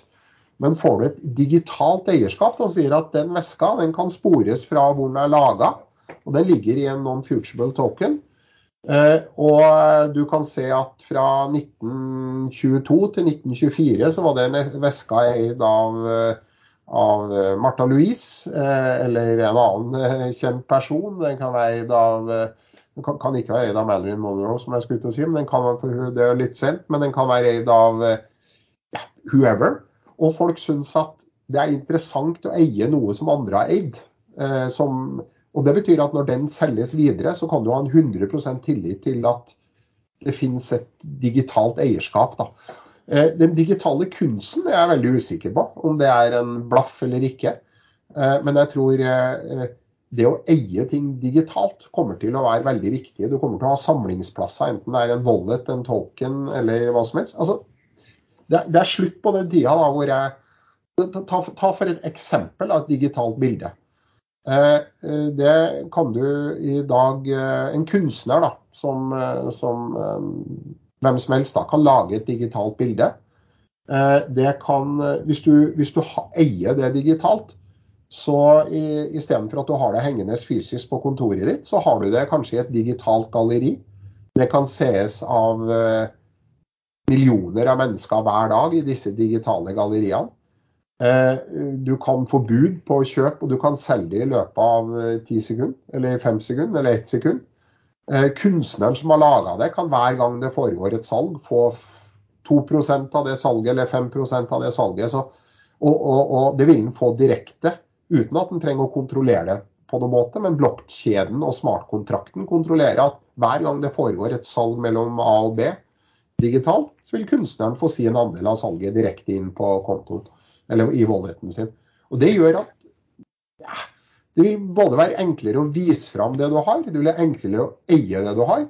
Du slipper å dra ned på Blomkvist og selge det bildet, og du slipper å beskytte det på samme måte som du gjør ellers. Ja, jeg tror voldsomt på eh, Erlend og, og utviklinga der. Men jeg tror også at det finnes en del kunst per i dag som kalles kunst, som er veldig oppblåst i verdi. da.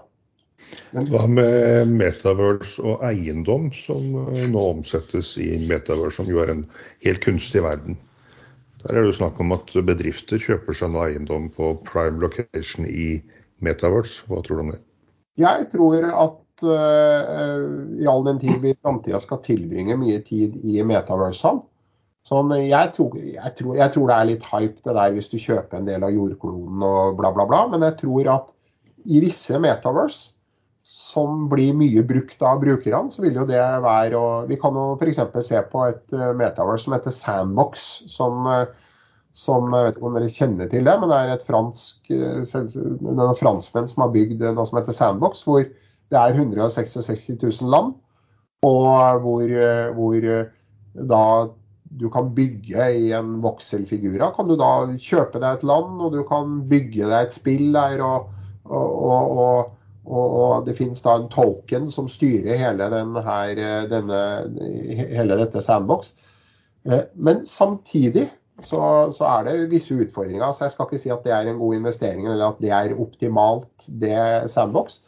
Men eh, det jeg tror, er at det å eie ting i disse framtidige populære eh, til stedene, metaversene, hvor du kommer til å gå, det tror jeg kommer til å være en god investering. Eh, kan være en god investering. Og, og, og jeg tror flere og flere mennesker da eh, kommer til å investere da i, mer i eh, infrastruktur og eiendom i disse metaversene. Eh, og, og, kan få den avkastninga der. Det er jo litt, eh, det er litt sånn det funker. og jeg, jeg vet jo at land i eh, Sandbox som for to år siden ble solgt for 400 dollar, nå har blitt solgt for 400 000 dollar. Så, så ja. Men det vil også være veldig mye du ikke bør investere i der, da. Men hva med Facebook, som nå endret navn til Meta fordi de skal satse stort på Metaverse? Eh, vil de bli akseptert av uh, brukere som egentlig ønsker et desentralisert metavers?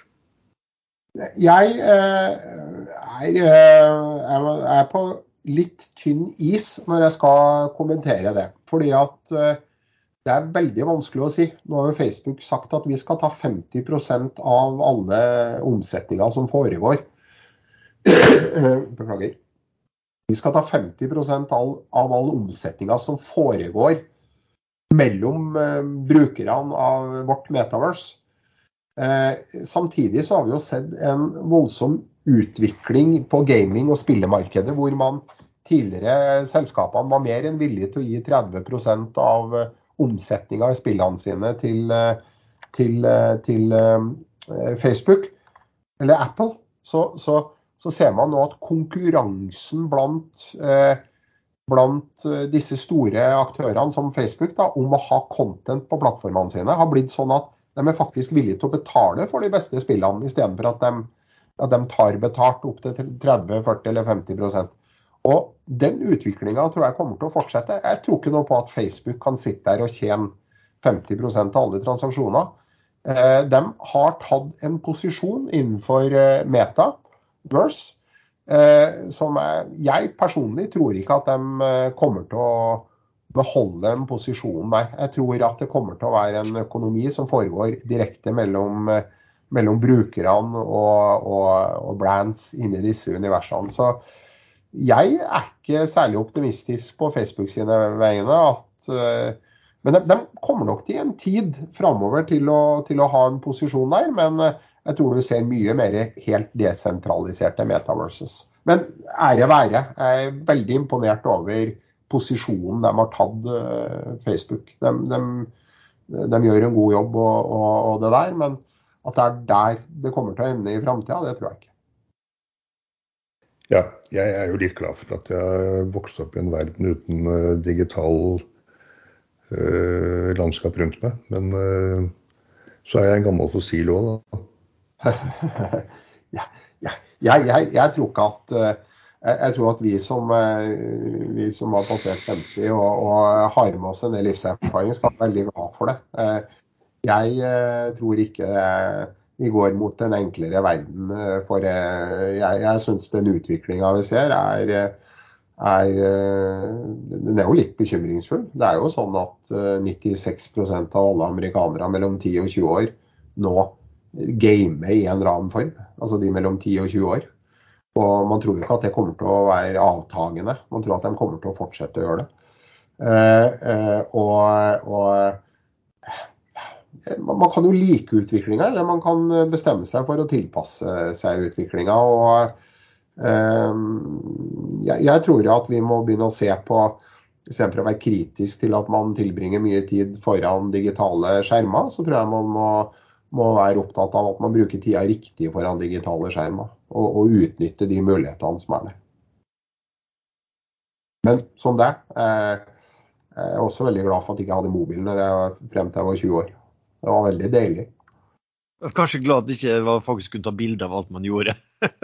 Ja, ja det, det, kan man jo også være glad for. at Jeg syns litt synd på dem som blir eh, fotografert uansett. Hver gang de er på fest og alt det der, så knipser folk bilder. og Det er jo ikke ja, men det er jo blitt en del av hverdagen, og det gjør jo også at, eh, at det blir et større og større problem. Da, at, eh, at ja, man, man blir, blir, utsatt for utpressing og negativitet i vennegjenga sånn som, som, ikke er noe bra. Så jeg er veldig glad for at det er høyt fokus fra politiet på, på å følge opp de tinga.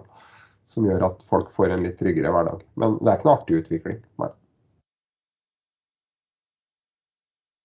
Men jeg, jeg, har lært en ting nå, hvordan du blir milliardær. Du satser i bransjer som er avhengighets, altså, avhengighetsbetinga. Uh, uh, altså først bar, alkohol, og så gambling. Da blir det jeg, jeg, tror at, eh, jeg tror at eh, jeg alltid har vært nysgjerrig og interessert i nye ting og trender. Og jeg tror at, eh, at det isolert sett, det å satse på, på altså, Hvis du driver en bar i dag, så er jo det å ha en ansvarlighet overfor kunden din som er i baren, er jo ekstremt viktig. Altså, det er jo det er, jo, det er, jo, derfor vi har de lover og reguleringer som fungerer ganske bra. At du stenger tidlig, du serverer ikke folk som er åpenbart berusa. Eh, jeg tror også det er innenfor spill. Eh, enten underholdningsspill eller, eller gamblingrelaterte spill. Nå er jo noen Underholdningsspill og gamblingrelaterte spill kommer jo til å merge ganske mye sammen i framtida. Det kommer ikke til å være altså Atari i dag de har jo tokens-baserte kasinospill. Altså, det kommer til å merge mye mer. Fifa Fifa 22 er jo egentlig et gamblingspill. Eh, selv om det egentlig i utgangspunktet var et underholdningsspill. Så, og jeg tror jo at det handler bare om at alle som er i sektoren og bransjen må jobbe for ansvarlighet og trygghet. Og, og jobbe for at vi har reguleringer på plass som gjør at du ivaretar interessene til alle brukerne. Og, og, Det tror jeg også kommer til å være viktig når du ser på de nye tingene som kommer i forhold til Web3. At vi, at vi får på plass gode, trygge reguleringer. Men Sven, du var jo CEO, tror jeg det var, i et uh, gamingselskap for mange, mange år siden? Ja, det var gamblingselskap uh, som Gambling. heter Bet, Bet on Bet. Uh, som egentlig var en uh, Betfair-kopi. altså en sånn børs for odds. som ble starta på fire stykker i, i Oslo. da.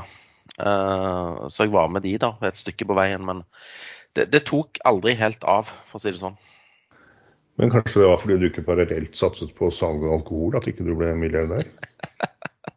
ja, ikke for seint ennå.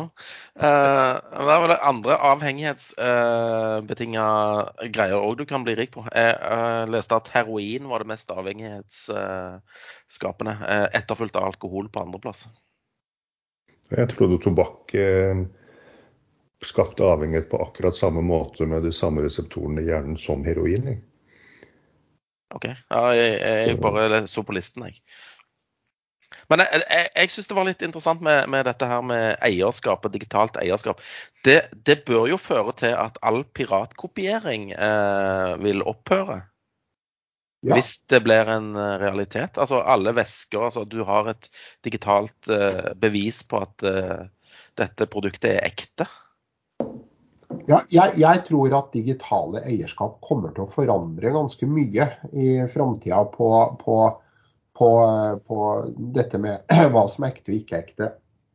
Så sånn at Det kommer sikkert til å være falske luer i tåveska. og Jeg tror falske luer i tåveska har vært det aller viktigste hjelpemiddelet for å øke verdien og salget av ekte veska.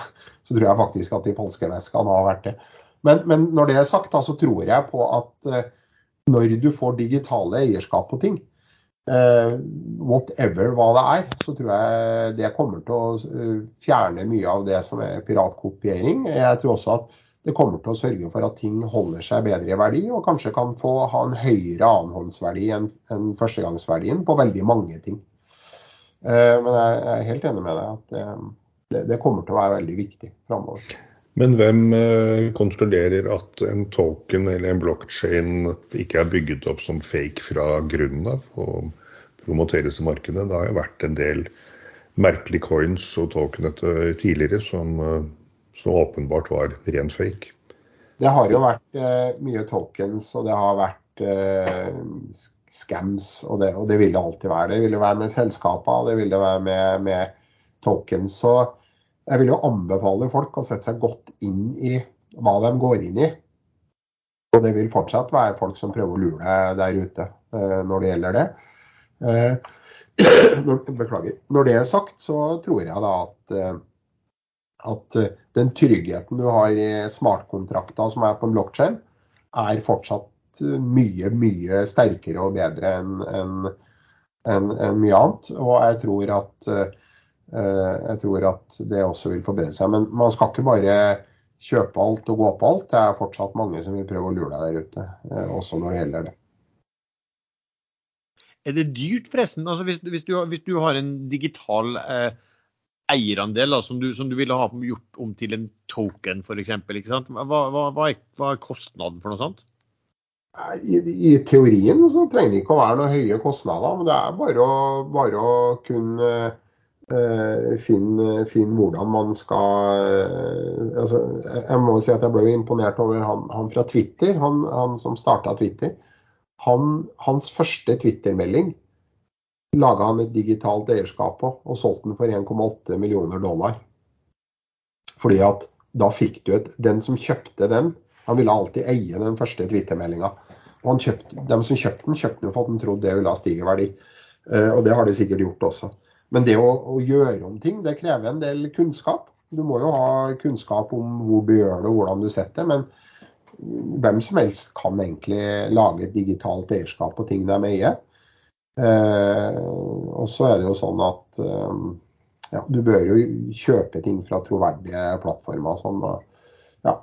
eh, men kostnaden, hvis du har kunnskapen, er ikke stor.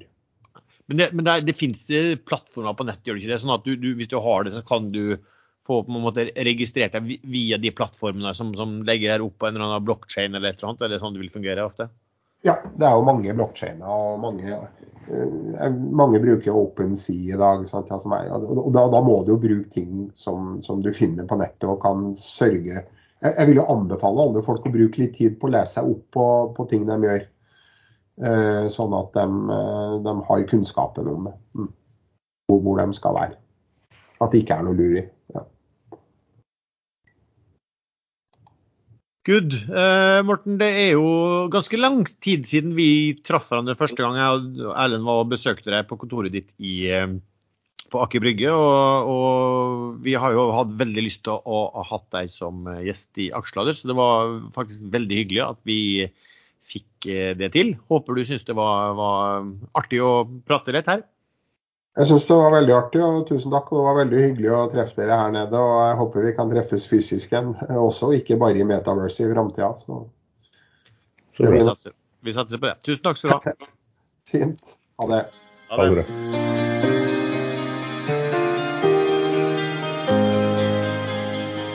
Dette er en melding fra vår hovedsponsor Skilling som er en skandinavisk eid CFD-megler.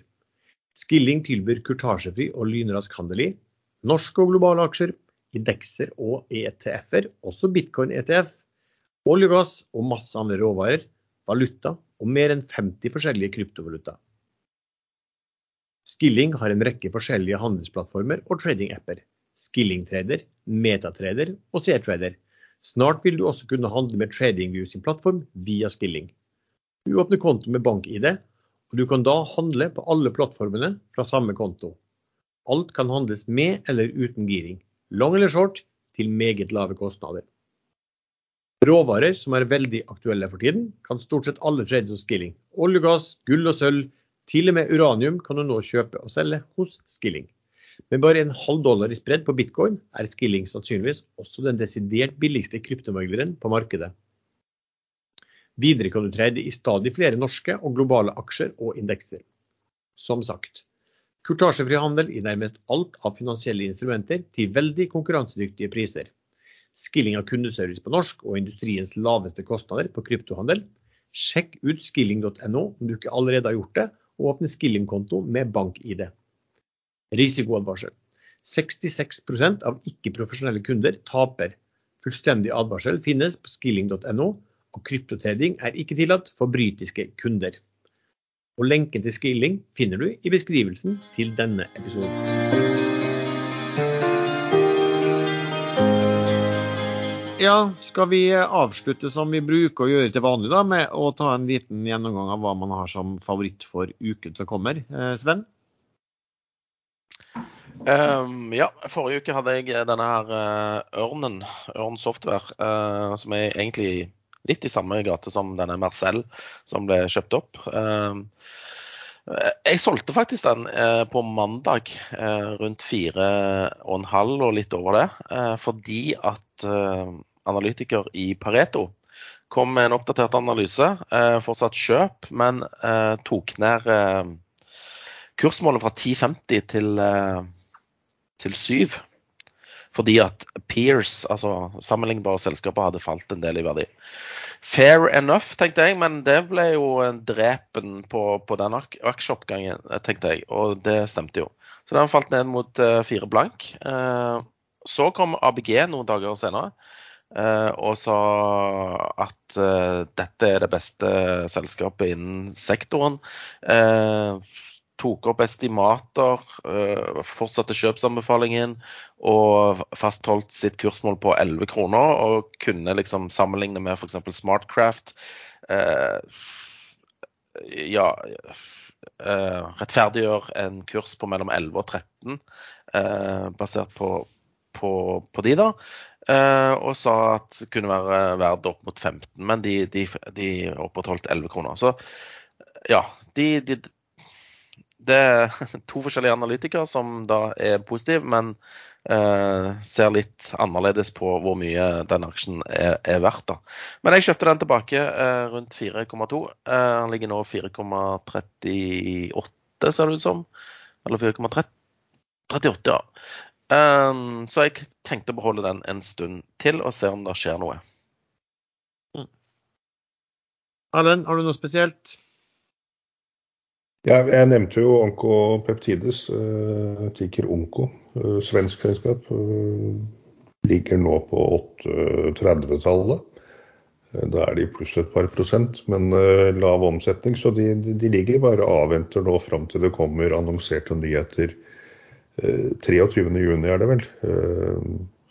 Etter at europeiske legemiddelindustrien skal, eller myndighetene skal gi en uttalelse 6.4, men den første blir nok neppe børsmeldt. Men da har selskapet en klageperiode fram til 23., eller akseptere utdannelsen som, som kommer. Så hvis alt klaffer, så kan de begynne å selge dette produktet sitt i Europa i kvartal tre. Eh, men det som ofte skjer i den aksjen, er at det blir en eh, forventningsoppgang fram mot forventet nyhet. Og det er da en snau måned til. Så da hodler jeg litt på den, selv om jeg ligger i minus akkurat nå. Eh, Viking Supply, det, hvordan går det med den potensielle sammenslåingen? Er det, med det andre, er det Eiof de skal fusjonere med? Ja, det, er jo, det man snakker om, er jo CM Offshore. Man, man vet at de har snakket om før. og det er ja, CM Offshore. Ja. Ja. Og Hva er det du regnet ut som teoretisk kurs på VSSAB da? Jeg har jo ikke regnet ut en puck på teoretisk kurs der. Men det vet man jo ikke. Det er et spørsmål om eh, hva, hva bytteforholdet blir. det. Men, ja, men da, sier, da sier vi bare 200, da. gjerne. gjerne. Men eh, som et spill på at de oppnår veldig gode spotrater på disse fire ankerhåndteringsskipene sine, ATS, som eh, Sven korrekt sa, så, så kan den være litt artig nå utover de neste ukene, kanskje månedene. Ja. Jeg nevnte jo First Planet Games, men det er ikke noe selskap jeg har noe sånn veldig tro på. De Skybond som har kjøpt seg inn, eh, kommer vel til å overta langt over halvparten av aksjene etter hvert. Og om det resulterer i at eh, selskapet stiger i kurs, eller om Skybond som egentlig sitter i sånn bukten med begge ender. De kan ta ut gevinsten der det passer dem best, og det er ikke sikkert det er i Fifth Planet. Ehm, så jeg er ikke sånn veldig religiøs på den aksjen, men som en liten uh, trade så tror jeg den kan være god akkurat nå. Det er vel de jeg har sånn akkurat nå. E-labs uh, har jeg ikke selv ennå, men de, der kom det en ny analyse eller en oppdatert analyse med fortsatt kjøpsmål, men de tok ned kursmålet til 25, var det vel. Uh, Pga. disruptions i markedet. Men kursen er litt opp i dag, på 18-19 kroner. Ja. Jeg nevne, eh, hvis eh, de som hørte på forrige episode, husker helt på slutten av episoden, så sa jeg plutselig oi, nå kjøpte jeg litt eh, Argeo, for det kom et stort uh, kryss der. Og så snakka vi litt om hva det kunne være. Det, det, krysset var vel egentlig bare en intern, som Sven var vel egentlig litt inne på tror jeg i episoden nå, en intern overførsel hos uh, Kistefoss, altså Kristen Sveås, um, som egentlig flytta tydeligvis fra en konto til en annen. sannsynligvis noe i forbindelse med noe uh, lånefinansiering av Posten. Men, uh, men, det gjør jo ingenting, fordi at den, den kursen er uansett siden da. Tenker litt hva jeg på den. Jeg ser at Astro, altså den Astrokast, denne, denne mm, satellittselskapet, den har fått den lille rekylen. Den Falt jo voldsomt på lavt nivå en lang periode. og Nå har den stigen på ganske lavt volum også dag for dag. Den er vel en av vinnerne i dag. Den var i hvert fall det før i dag. Da snakker man lavt volum. 370 000 kroner omsatt. Ja, det er lavt. Men det samme som skjedde. Altså, det er derfor jeg tenkte at den, den, kan, den, falt lavt. Men hvis de vil ha den opp, som jeg tror de vil før den skal noteres i Frankrike, så vil det være sikkert ganske enkelt for de aktørene å få pressa den eh, opp. IPO-en var jo på 29 der. Og den gikk over i 100 på Bartul, selvfølgelig. Eh, og så falt den ja, helt ned til femtallet før den nå har steget eh, opp igjen. Der var det forresten litt sånn, eh, Apropos det, de som har sånne miniatyrsatellitter, så var det vel en uh, artikkel om Kina som allerede vurderte muligheten hva de skulle gjøre med Starlink i tilfelle det ble en framtidig konfrontasjon en gang. Um, fordi at man tenkte for at amerikanske fly og sånn, altså våpen kunne kommunisere med Starlink, så da måtte de ha noe våpen for å ta ut Starlink og sånn. Så det kan jo bli morsomt for alle de som har satellitter. Eller, eller så, så, kan jeg jo nevne da, altså, Havyard fortsatt. Eh, eh, kom vel inn og innkalling til generalforsamling, og det ser vel ut som den, i løpet av en måned til tid så skal de kunne gjøre ferdig den transaksjonen eh, der de eh, går sammen med et annet selskap, og så får man ut eh, 0, litt over 0,4 havaksjer per Havyard. Og Hav har vel steget på børsen siden den gang også, så, så der bør det jo være en, en, en, en bra verdi den kommende måneden. Forhåpentligvis. Men det du nevnte med å stige på, falle på lavt volum og stige på lavt volum, det, det, er ikke alltid det er så helt feil. Jeg ser på selskap som heter Rivertech, som er da et Morten Klein eh, Han eier ganske mye, det tror jeg. Eh, de gikk på børs på rundt 25, var det vel, i 2019.